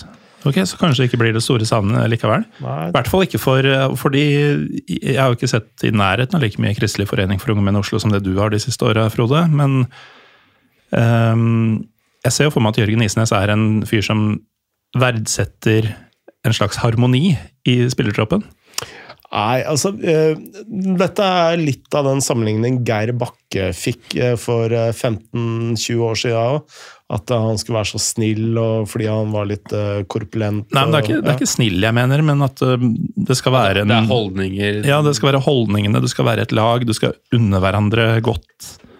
Jeg, jeg, altså, jeg tror at uh, det som er litt uh, suksessen til eh, Geir Bakke, da, og som jeg tror også er litt suksessen til Jørgen Isnes, det er at de, de har altså en god treningskultur. Det ligger uh, i bånn. Og at mentalitet og treningsvillighet er to egenskaper de setter fryktelig høyt. Jeg husker jeg besøkte Sand- eh, nei, Sarpsborg når han var trener der.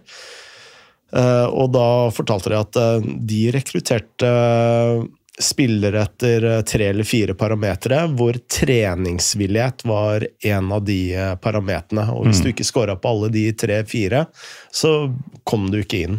Nei. Og der eh, tror jeg Fred Friday eh, Skårer lavt. Skårer lavt. Ja. Uh, og det er jo også det som gjør at jeg tror Strømsgodset kommer til å holde seg. Altså et godt, godt eh, trenerhåndverk, da.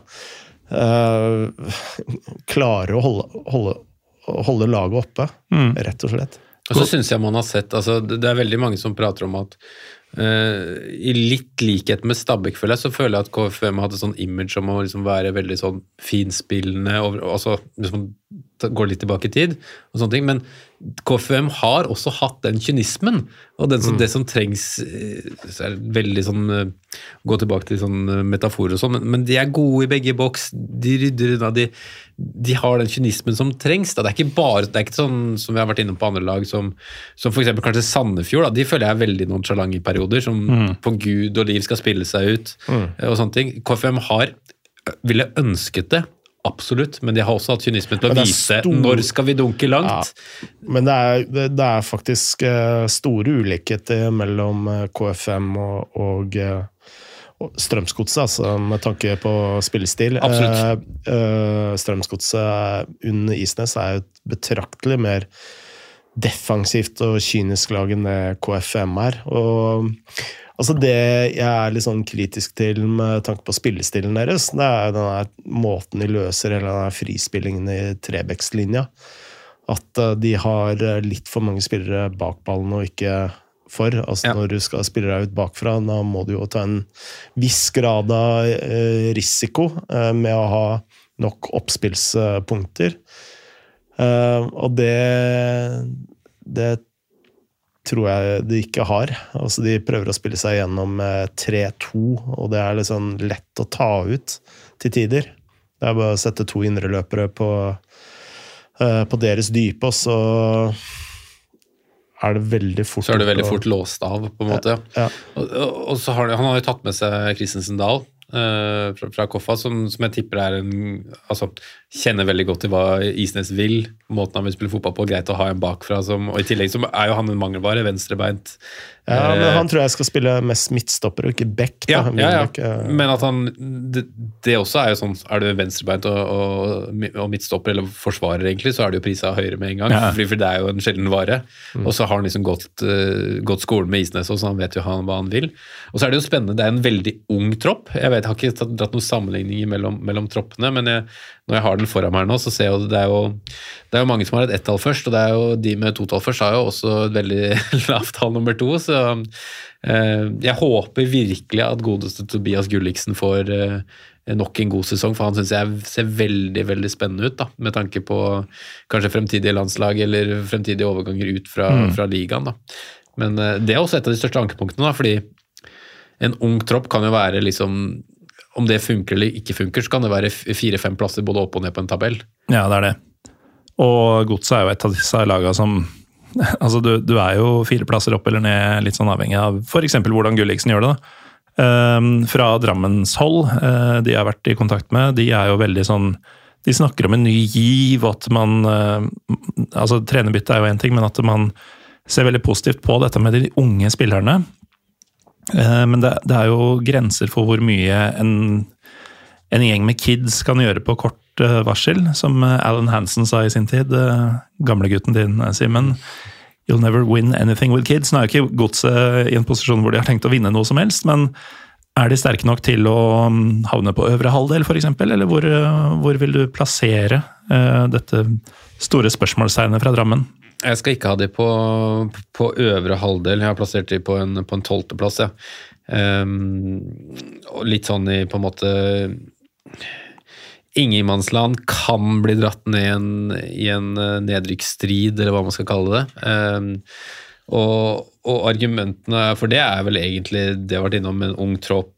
Um, tror fortsatt det at Jørgen Isnes er en plussfaktor. At det gjør noe at de kanskje kan komme seg unna. Og så er det Siste argument som vi på en måte ikke har nevnt, er at det, det er ikke alltid en selvfølge at disse som er gode i Obos, på en måte går rett inn i Eliteserien og, og er veldig gode. Um, de fleste fleste jeg har snakka med, i hvert fall, f.eks. Ekeland, er jo overbevist om at han på en måte tar det steget, men jeg er ikke 100% overbevist på at han og Markus Menert er liksom sånn kjempetrussel i Eliteserien. Ja. Um, så Også vanskelig å spå som veldig mange andre i lagene her, men det ble en, en tolvteplass hos meg. Ja. Eh, Jeg har den på ellevte. Hva med deg, Frode? Hvilken eh, plasser har jeg igjen nå? Er det Litt mer løs og ledig igjen. Hvis jeg skal gå gjennom dine tips, eh, Frode, så har du hatt år... Jeg må ærlig innrømme at jeg visste ikke at vi skulle sette opp tabelltips. Nei, altså um, Du, du kan plassere dem i et sjikte, og så jobber vi med det. Tenker du Antar nedre, nedre tredjedel, men hvor nærme streken, eventuelt hvor Nei, altså, eh, Eneste plasseringen jeg har fast, det er åttende. Den, eh, den har jeg. Eh, satt av til et annet lag. Ja. Eh, men jeg har vel ikke satt noen på niendeplass, tror jeg. Eh, ikke ved første øyekast her, i hvert fall. Nei, da blir det Strømsgodset på niende. Det er, ingen skal beskylde oss for å gå vitenskapelig til verks her. Altså- jo, men jeg har satt et uh, tabell Altså, jeg hadde en sånn presentasjon for Riks-TV og Stream, uh, og da hadde jeg et uh, tabelltips, og da Det er det jeg går ut fra. Siden du nevner det, Frode, vi har nevnt eh, et av dine andre prosjekter, Oddspodden. Ja. Eh, Men hvorfor hadde du et møte med Riks-TV og Stream? Eh, Fordi Fotball-TV, TV-kanalen hvor du har det fantastiske programmet Midtropa, er nå ute på Riks-TV. Så nå går det til eh, potensielt 300 000 eh, norske seere som kan se Knirke-TV. Uh, kjemisk fritt for eh, spissvinkel. Mange altså, jeg, jeg, jeg må jo innrømme at uh, vi har jo noen navn på programmer som er enda verre enn spissvinkel. Men også noen ganske bra, f.eks. Mitropa, Ja. som du nevnte. Eh, Men selv er jeg jo programleder i Englandsposten, og det er ved hakket under eh, spissvinkel i navnvalg. Men det er, det er fryktelig vanskelig det der, å finne navn på prosjekter og, og ting, med mindre du måtte bare, det dukker opp noe, så skal du bruke det på en måte senere. ja, nei, det er ikke bare Jeg husker jeg spilte i et band en gang som het Prosess og Balthazar, apropos dårlig navn. Og jeg har spilt i et band som heter Operasjon Dødsverk, også et dårlig navn. Eh, Men da husker jeg vi var i studio og spilte inn en eh, instrumentalplate på seks låter. Eh, Og så skulle vi finne navn til disse låtene. Eh, og, og det blei så banalt. Altså, vi bare fant ut at eh, vi, vi navner alle låtene på italiensk. så er det ingen som skjønner noe til! Men du og navn på prosjekter er jo faktisk en egen sånn føljetong. Ja. For uh, du har jo da en fotball-TV-kanal. Hæ? Den heter Fotball-TV. Ja. Uh, Du er vel involvert i en fotballquiz Ja. som heter FC-quiz. Ja. Du har um, en podkast om odds. Den heter Oddspodden. Ja. Du er vel involvert i en kiosk som heter Kiosk? ja. Så, du skjønner hvor jeg vil hen? Du, du, er, det er du, du er ikke helt mitt rå for navn, du heller. Kiosk er mitt eneste forslag. Uh, ja. Så, nå skal jeg starte en bar som heter Galgeberg Auto på Galgeberg. Ja, det er faktisk Den kunne jo fort bare hete bar. Mhm. Sånn som du har en tendens til å kalle eh, ting du driver med. Um, Så starta jeg et blad som het Josmar. det er sant. Det burde jo hete Fotballbladet eller noe sånt. Ja. Ut fra Så når jeg skulle starte TV-kanalen Fotball-TV, så var jo arbeidsnavnet Zico. Selvfølgelig var det det. Ja. Og um, jeg husker jo, eh, og dette er jo ikke fra um, spesielt nyere tid, eller gamle dager, holdt jeg på å si. uh, det har vært en del sånn kampanjer for å få abonnenter til Jossimar og sånn. Og det har vært sånn send en tekstmelding. Og da, har jo, da skulle du skrive den tekstmeldinga f.eks. Zico eller Sokrates eller Garincha eller sånn. Det, det, ting følger en lest, da. Ja. Med det sagt så må vi nordover. Um, det var litt uenighet rundt eh, Bodø-Glimts eh, sjanser. Jeg tør nesten ikke å tenke på hva vi har å si om eh, Tromsø, for um, her har vi et lag som bruker ingen penger, men henter masse spillere for det. Ja. Og eh, du skal være god om du har kjørt, har noe forhold til, eh, til halvparten av dem. Eh, Jeg kan jo si med en gang at jeg så jo kvartfinalen i cupen mellom Tromsø og Lillestrøm, hvor jeg ble kjent med El Haji Diouf. Og det er ikke han El Haji Diouf, det er en eh, 18-åring eh, på bekk. Venstre vingbekk. kommet opp gjennom akademiet til Jon Torstensen. eh, Jaså. mannen som eh, fant Mame Diouf i eh, Senegal i sin tid. Ja. Um, ja, han holder det tydeligvis i slekta, for eh, her er det en ny Diouf. Som jo selvfølgelig er som Johansen i Jeg skulle til å si det, det er ved 20, 20 mill. mennesker som heter Diouf. Det er det. Men El Haji Diouf, det er jo interessant uh, at det skulle være fornavnet. For det, da tenker man noe noe helt annet. Han bor på, bor i, på hybel med en nyankommen Jakob Romsås. Ja. eh, ja. Du utelater Napoleon i det navnet? Napoleon. Jeg pleier å utelate Jakob, jeg. At han bare er Napoleon, Napoleon Romsås. Romsås. ja. Ja. Men uh, El Haji han kom innpå mot uh, Lillestrøm og hadde noen av de verste involveringene jeg noensinne har sett i norsk fotball. Ja. Så jeg tenker at det kan bare gå én vei. eh, som det, altså Tenk å komme direkte fra Senegal som 18-åring til Tromsø! Det er ille nok å komme til Sørlandet, Ja. Men Tromsø det, det, det blir en viss akklimatisering der. Vi får inn, eh, la tvilen komme den til gode, men Han er vel uansett ikke ment å ta plass på den venstrebekken med det aller første, vil jeg tro. Nei, det tror jeg ikke. Eh, Men eh, det er jo da Altså, det har kommet inn i hvert fall et tosifra antall spillere her, ser det ut som, og snittalderen er 21 år. Um, Omtrent like mange har gått ut, men av de som har gått ut, så er det jo knallgode eliteseriespillere. Kitolano, Mikkelsen Kamanzi Um, Ja, Lasse Nordås kanskje ikke dritgod, men uh, Nei, men jeg tror faktisk det, altså, Han gjorde en god figur når han var, Nei, var de er styrka på spissball. Altså. Hilmer er uh, Ja, jeg kunne sett den i én kamp, da. Så, men eh, det, det, fra rapportene så virker det jo som at han er en, en ok angriper, da. Men uh, hvor begynner vi med Tromsø? Altså, Vi var litt inne på med andre klubber at én ting er å være god i banespillet, men der du vinner kamper, er i boksene. Eh, Tromsø er i hvert fall god i banespillet. Det, det er de fleste enige om. Ja, og så er det en luring, han der eh, som er på, sitter på benken der også, i Gaute Helstrup. Jeg syns han uh, virker til å være ganske god taktisk, og, og de kampene de på en måte kanskje er favoritter til å avgi poeng eller tape, så, så er de ganske vanskelig å slå. Eh, og så har de jo eh, sikkert sine fordeler med, å- med å spille der oppe i nord og, sånne ting, men det det virker å være et lag som er vanskelig å slå, nesten uavhengig av, av hva slags mannskap de har. Eh, så, så når man ser på troppen, så er det jo og overganger, som du sier, så er det jo eh, Altså, de har jo ikke penger. Nei. Nei, Og så mister du Mikkelsen, som var så god, da, eller har vært så god over en tid. Den kreative kraften og den eh, det, Apropos X-faktor, uromoment. Eh, så, så jeg er spent på hvordan de skal løse det. Eh, Erlien er jo spennende, da. I den uh, har sett bra ut spissplass, skal man, hva skal man kalle det?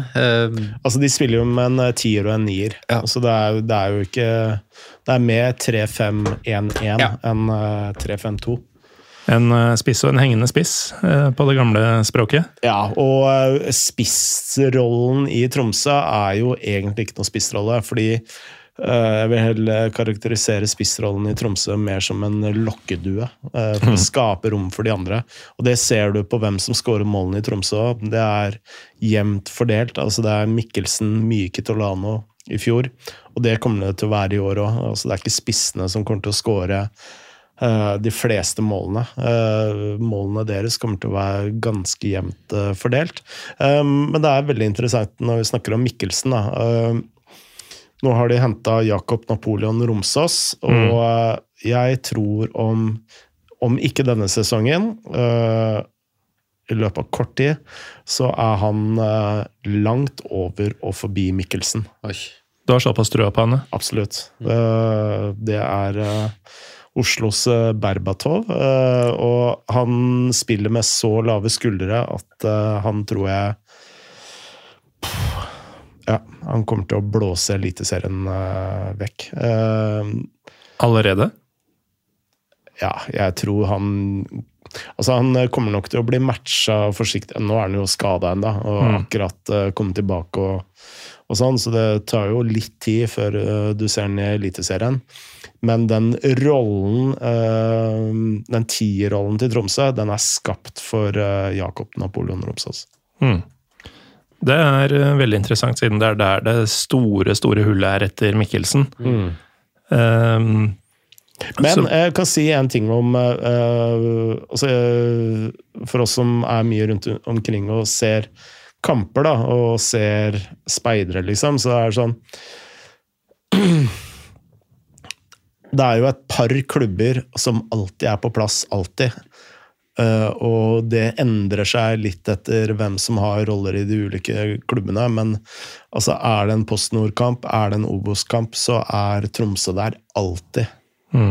Um, og når du sier eh, det, så mener du jo i Oslo-området i dette tilfellet? det, det er der du ser dem?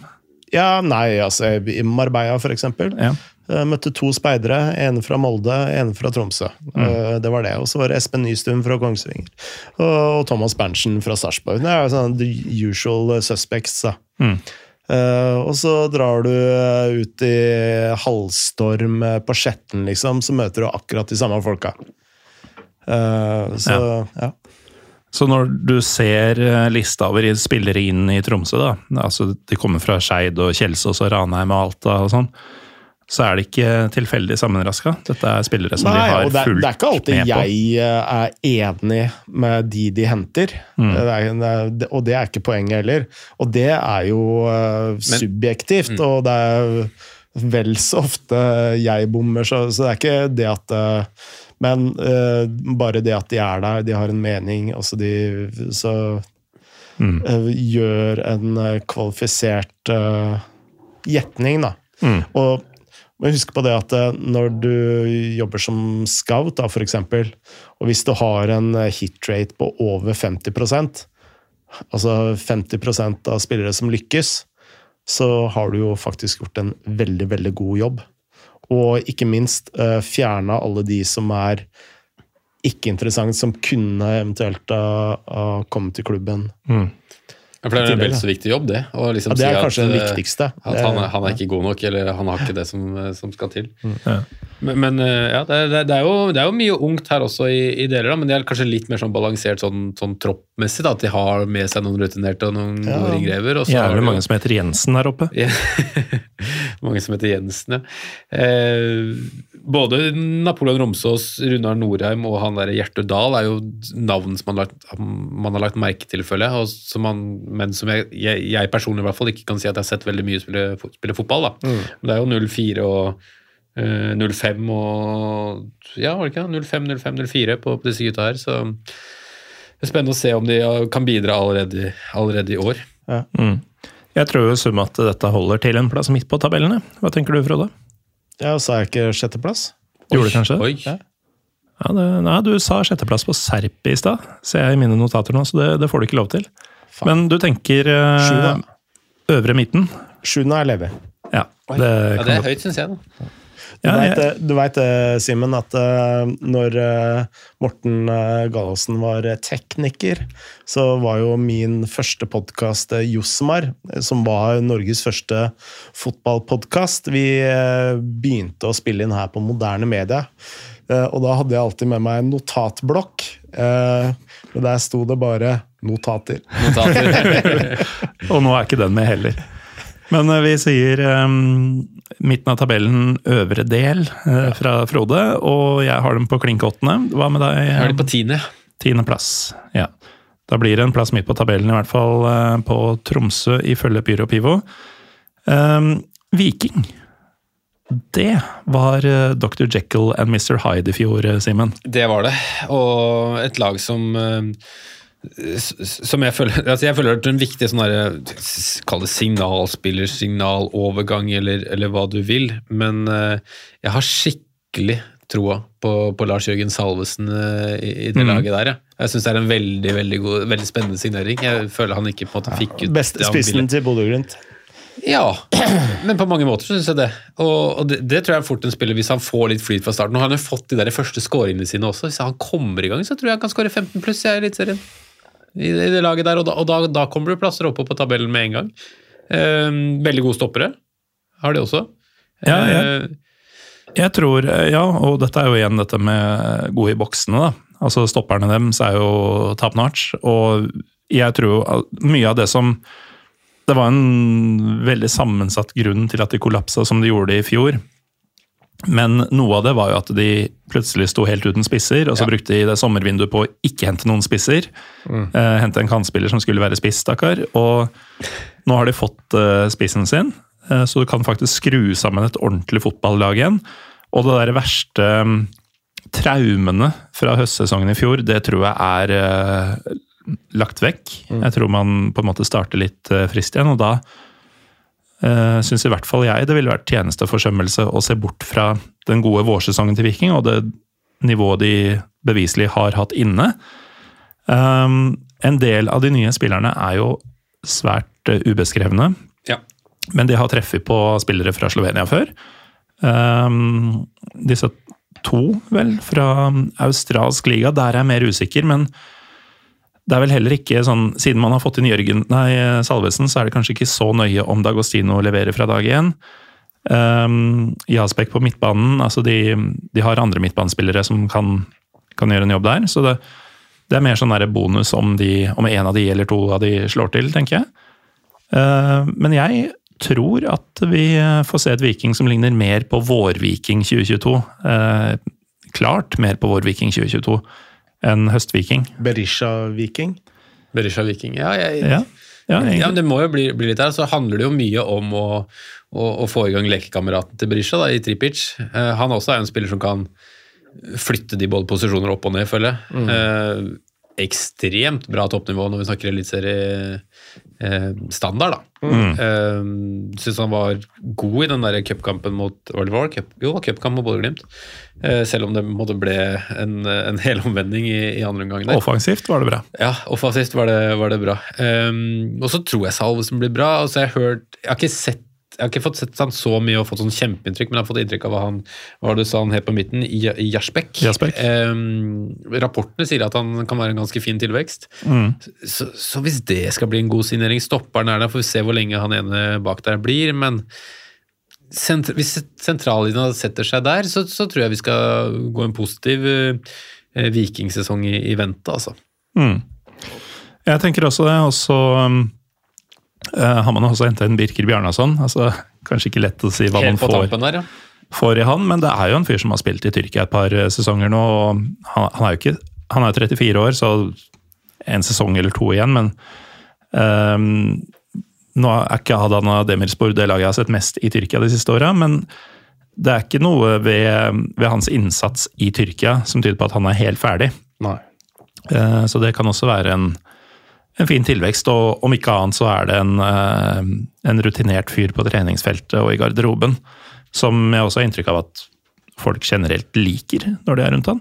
Han har vel et veldig godt øh, rykte, i hvert fall på Stavanger, i Stavanger, så jeg vil jo tro at han er en tilvekst, uavhengig av hvor mye han kommer til å bidra på, på banen, men tipper jo han Ja. kommer til å bidra der en, en del. Så er det en potensielt stor opptur i han, da, har veldig lite risiko ved å hente han inn. Um, og med det, så eh, Siden jeg måtte ha lag foran både Sarpsborg og Rosenborg på tabellen, så er Viking oppe på fjerde. Oi! siden jeg ikke har trua på Brann. Ehm, du reagerer med vantro, Simen? Jeg er ikke så langt bak, da, men uh, nummer seks er jeg det. Ja, det, det er hipp som happ, det. Ja. Eh, Frode, hva, hvor stor tro har du på Viking i år? Nei, jeg, I likhet med Sarpsborg så er også de på sjetteplass. Det er mange som skal ha den sjetteplassen i år. Ehm, og det er faktisk en fin bru over til det siste laget, som Det laget som jeg har på åttendeplass. Jeg skulle til å si et Ja, lag du har som vel- har holdt av hele Den har holdt av hele kvelden, og jeg veit hva dere tenker, gutter. Vålerenga ikke på sjuende. Nei, i dag De blir i år- ikke nummer sju så ofte som de skal ha det til. Mm, De ble jo ikke det i fjor, f.eks. Nei, men nesten. Ja, ja de, er, de er alltid, kretser alltid rundt der. Mm. Men jeg liker veldig godt at du um, ikke har dem høyere. Og det sier jeg ikke bare fordi jeg holder med Lillestrøm og ikke kan fordra Vålerenga sjøl, men fordi eh, når, jeg, når jeg ser folk skrive sånn derre Ja, kanskje det blir litt tight eh, for at det skal holde til medaljer i år og sånn.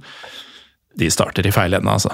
For det Ja, det er, eh, det der, er der vil jeg si at en åttendeplass er ganske bra, sånn Ja, som ting er nå. og- Men eh, altså, jeg tror Vålerenga er det laget som kan finne på å slå de beste og uh, spille de mest glitrende fotballkamper.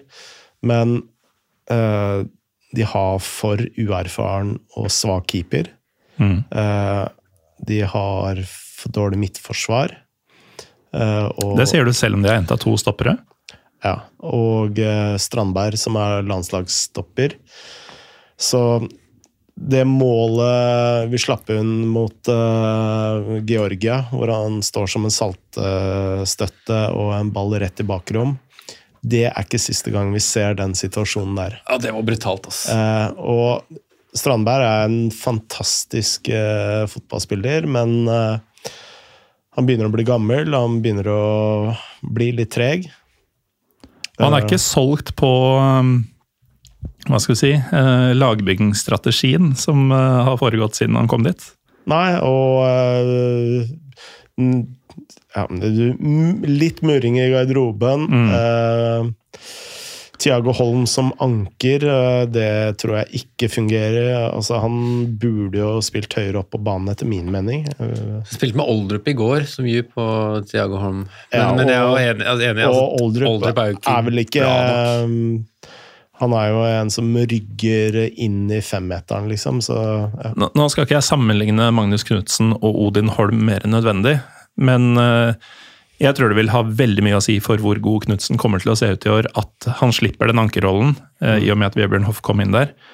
Eh, jeg tenker jo at mye av det samme vil gjelde Holm. da. det er en helt annen eh, jobb. Det er en helt annen ja, rolle, han, liksom. han vil bare se så utrolig mye bedre ut hvis han får en hva blir det, indreløperrolle Mm. eh, enn den ankerrollen. Men eh, de har liksom henta noen gode signeringer som man snakker veldig lite om. da. Petter Strand. Eh, Ja, som kom forrige sesong. mm, Han ble jo, Det var en uh, signering som folk lo av. ja, Fire millioner for han fyren der! ja. Han Eller var verdt jæ hver jævla krone. Han var jo fort en av de beste på hele laget. Jukler og Det er sånn uh, Også en signering mange lo av. Verdt hver jævla krone. Han benka for Suta i generalprøven i går. Jeg, lurer jeg var litt sånn usikker på om det var bare rotasjon, eller om det er noe skade, eller Ja, hva Det er. Fordi, skjønner i hvert fall ikke jeg nei, det, men, eh, der er det en hylle imellom, mener jeg, da. I, i Ja. likhet med deg, tydeligvis. I fordel Juklerød. Men uh, fremover, veldig mye spennende. Uh, veldig mye nytt. Hvor bra er Dikko Eng, da? Eh, ja, hvor god Altså, når jeg mener spennende, så har jeg mer tro på Oma Bulli. Ja. Eh, jeg har mer tro på Vitinho, faktisk, selv om han ikke har fått sjansen på A-laget ennå. Men hva veit du om han? Eh, jeg har sett den på White Scout? Nei, på trening. jeg har sett uh, hvordan han uh, banker den ballen i kassa. Ja. Og så ser jeg at han er eh, eh, Nå ser ikke du mye Premier League, da, men uh, hvis du ser Martinelli, da, så ser du en helt uforutsigbar spiller.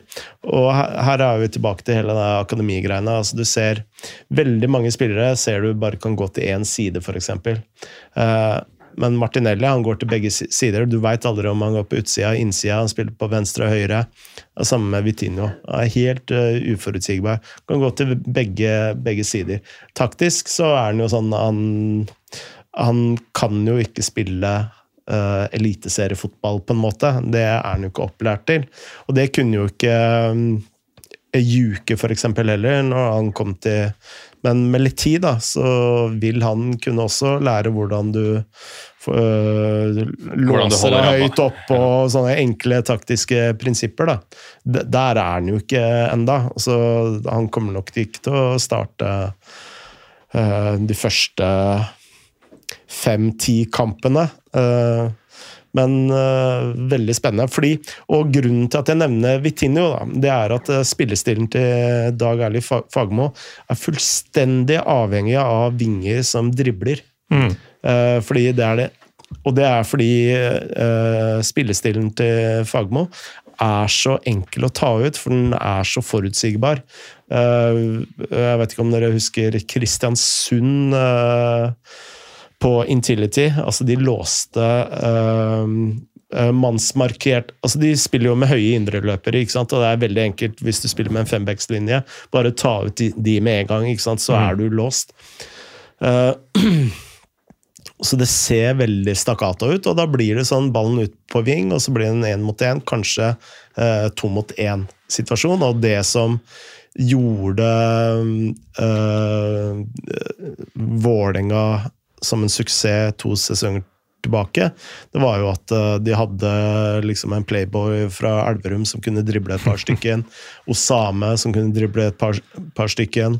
Altså Det er det som skaper eh, sjansene, på en måte. da. Så hvis jeg leser deg riktig nå, Frode, så er man helt avhengig av at Ofkir slår til fra start, og at Vitinho kommer inn. Ja, men og... han har dessverre mista såpass mye fart Mm. At jeg ser ikke for meg at han uh, vinner de én-mot-én-situasjonene, eller tør. Uh, de gangene jeg har sett han i vinter, så har det ofte endt med at eh, selv når du møter en bekk uten sikring, så har du heller gått for en støttepasning enn å ta den utfordringen. Ja. Jeg savner, en, savner også en tydelig spiss. Jeg føler liksom I hvert fall det vi har sett av Børven siste sesongen, at der er på en måte Man trenger litt mer kvalitet der. Eh, Jeg er spent på disse kantene, Dicko, Eng, Vitinho, om de på en måte kan slå til.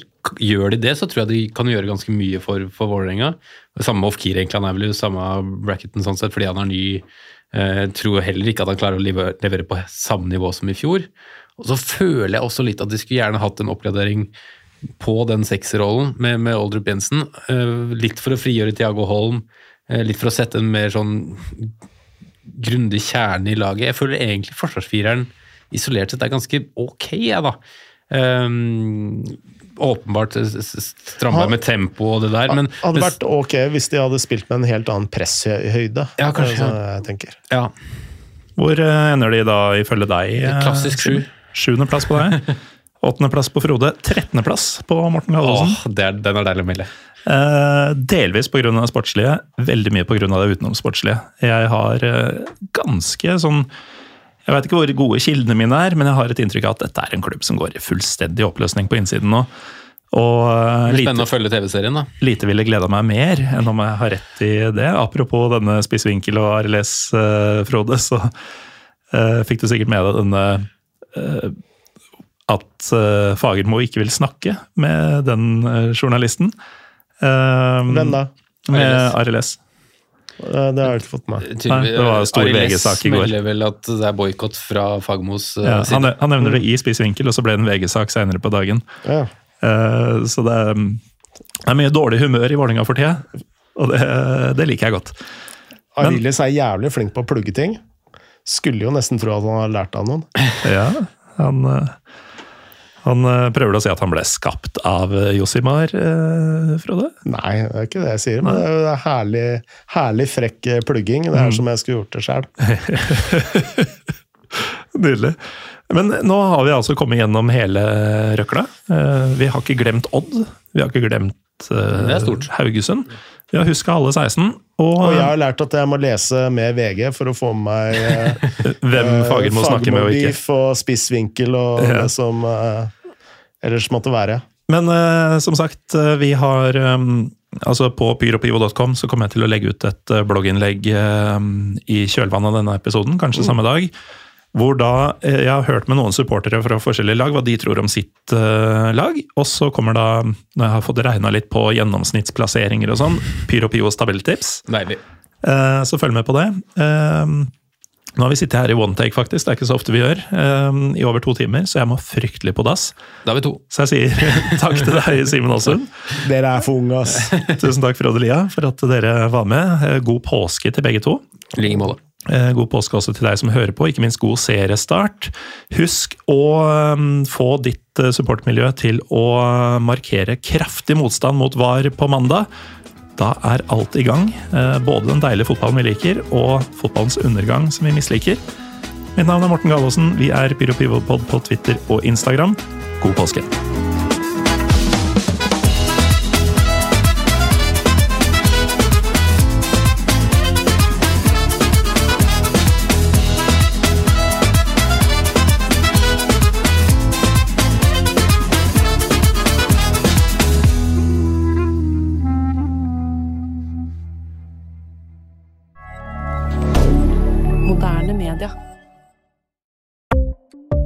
Ukens annonsør er HelloFresh. HelloFresh er verdens ledende matkasseleverandør og kan være redningen i en travel hverdag. Mange av oss har nok vandret i butikken både sultne og uten en plan for middagen, som ender med at vi går for de samme kjedelige rettene gang på gang. Middag burde være dagens høydepunkt. Som HelloFresh kan du nå velge mellom 25 ulike retter hver eneste uke, eller få HelloFresh til å sette sammen menyen for deg. Dette gir deg muligheten til å prøve nye og spennende retter alene eller sammen med familien. Du velger antall porsjoner og får alt levert på døren på et tidspunkt som passer for deg. Oppskriftene er enkle, og maten er lett å lage både for store og for små. Ved å få alt levert hjem får du også mer tid til å dele matgleden med familie og venner. Kanskje det frister med asiatiske tacos eller greskinspirert kylling? Da kan jeg anbefale deg om å gå inn på hellofresh.no. Her kan du bruke koden FOTBALL og få opptil 1779 kroner i rabatt på de første fem matkastene hvis du ikke har prøvd HelloFresh tidligere. Du kan også bruke rabatten hvis du har vært kunde og stoppet abonnementet ditt for tolv måneder siden eller lengre. Gå inn på hellofresh.no og bruk koden FOTBALL. Har du et enkeltpersonforetak eller en liten bedrift? Da er du sikkert lei av å høre meg snakke om hvor enkelt det er med kvitteringer og bilag i fiken, så vi eh, gir oss her, vi. Fordi vi liker enkelt. Fiken superenkelt regnskap.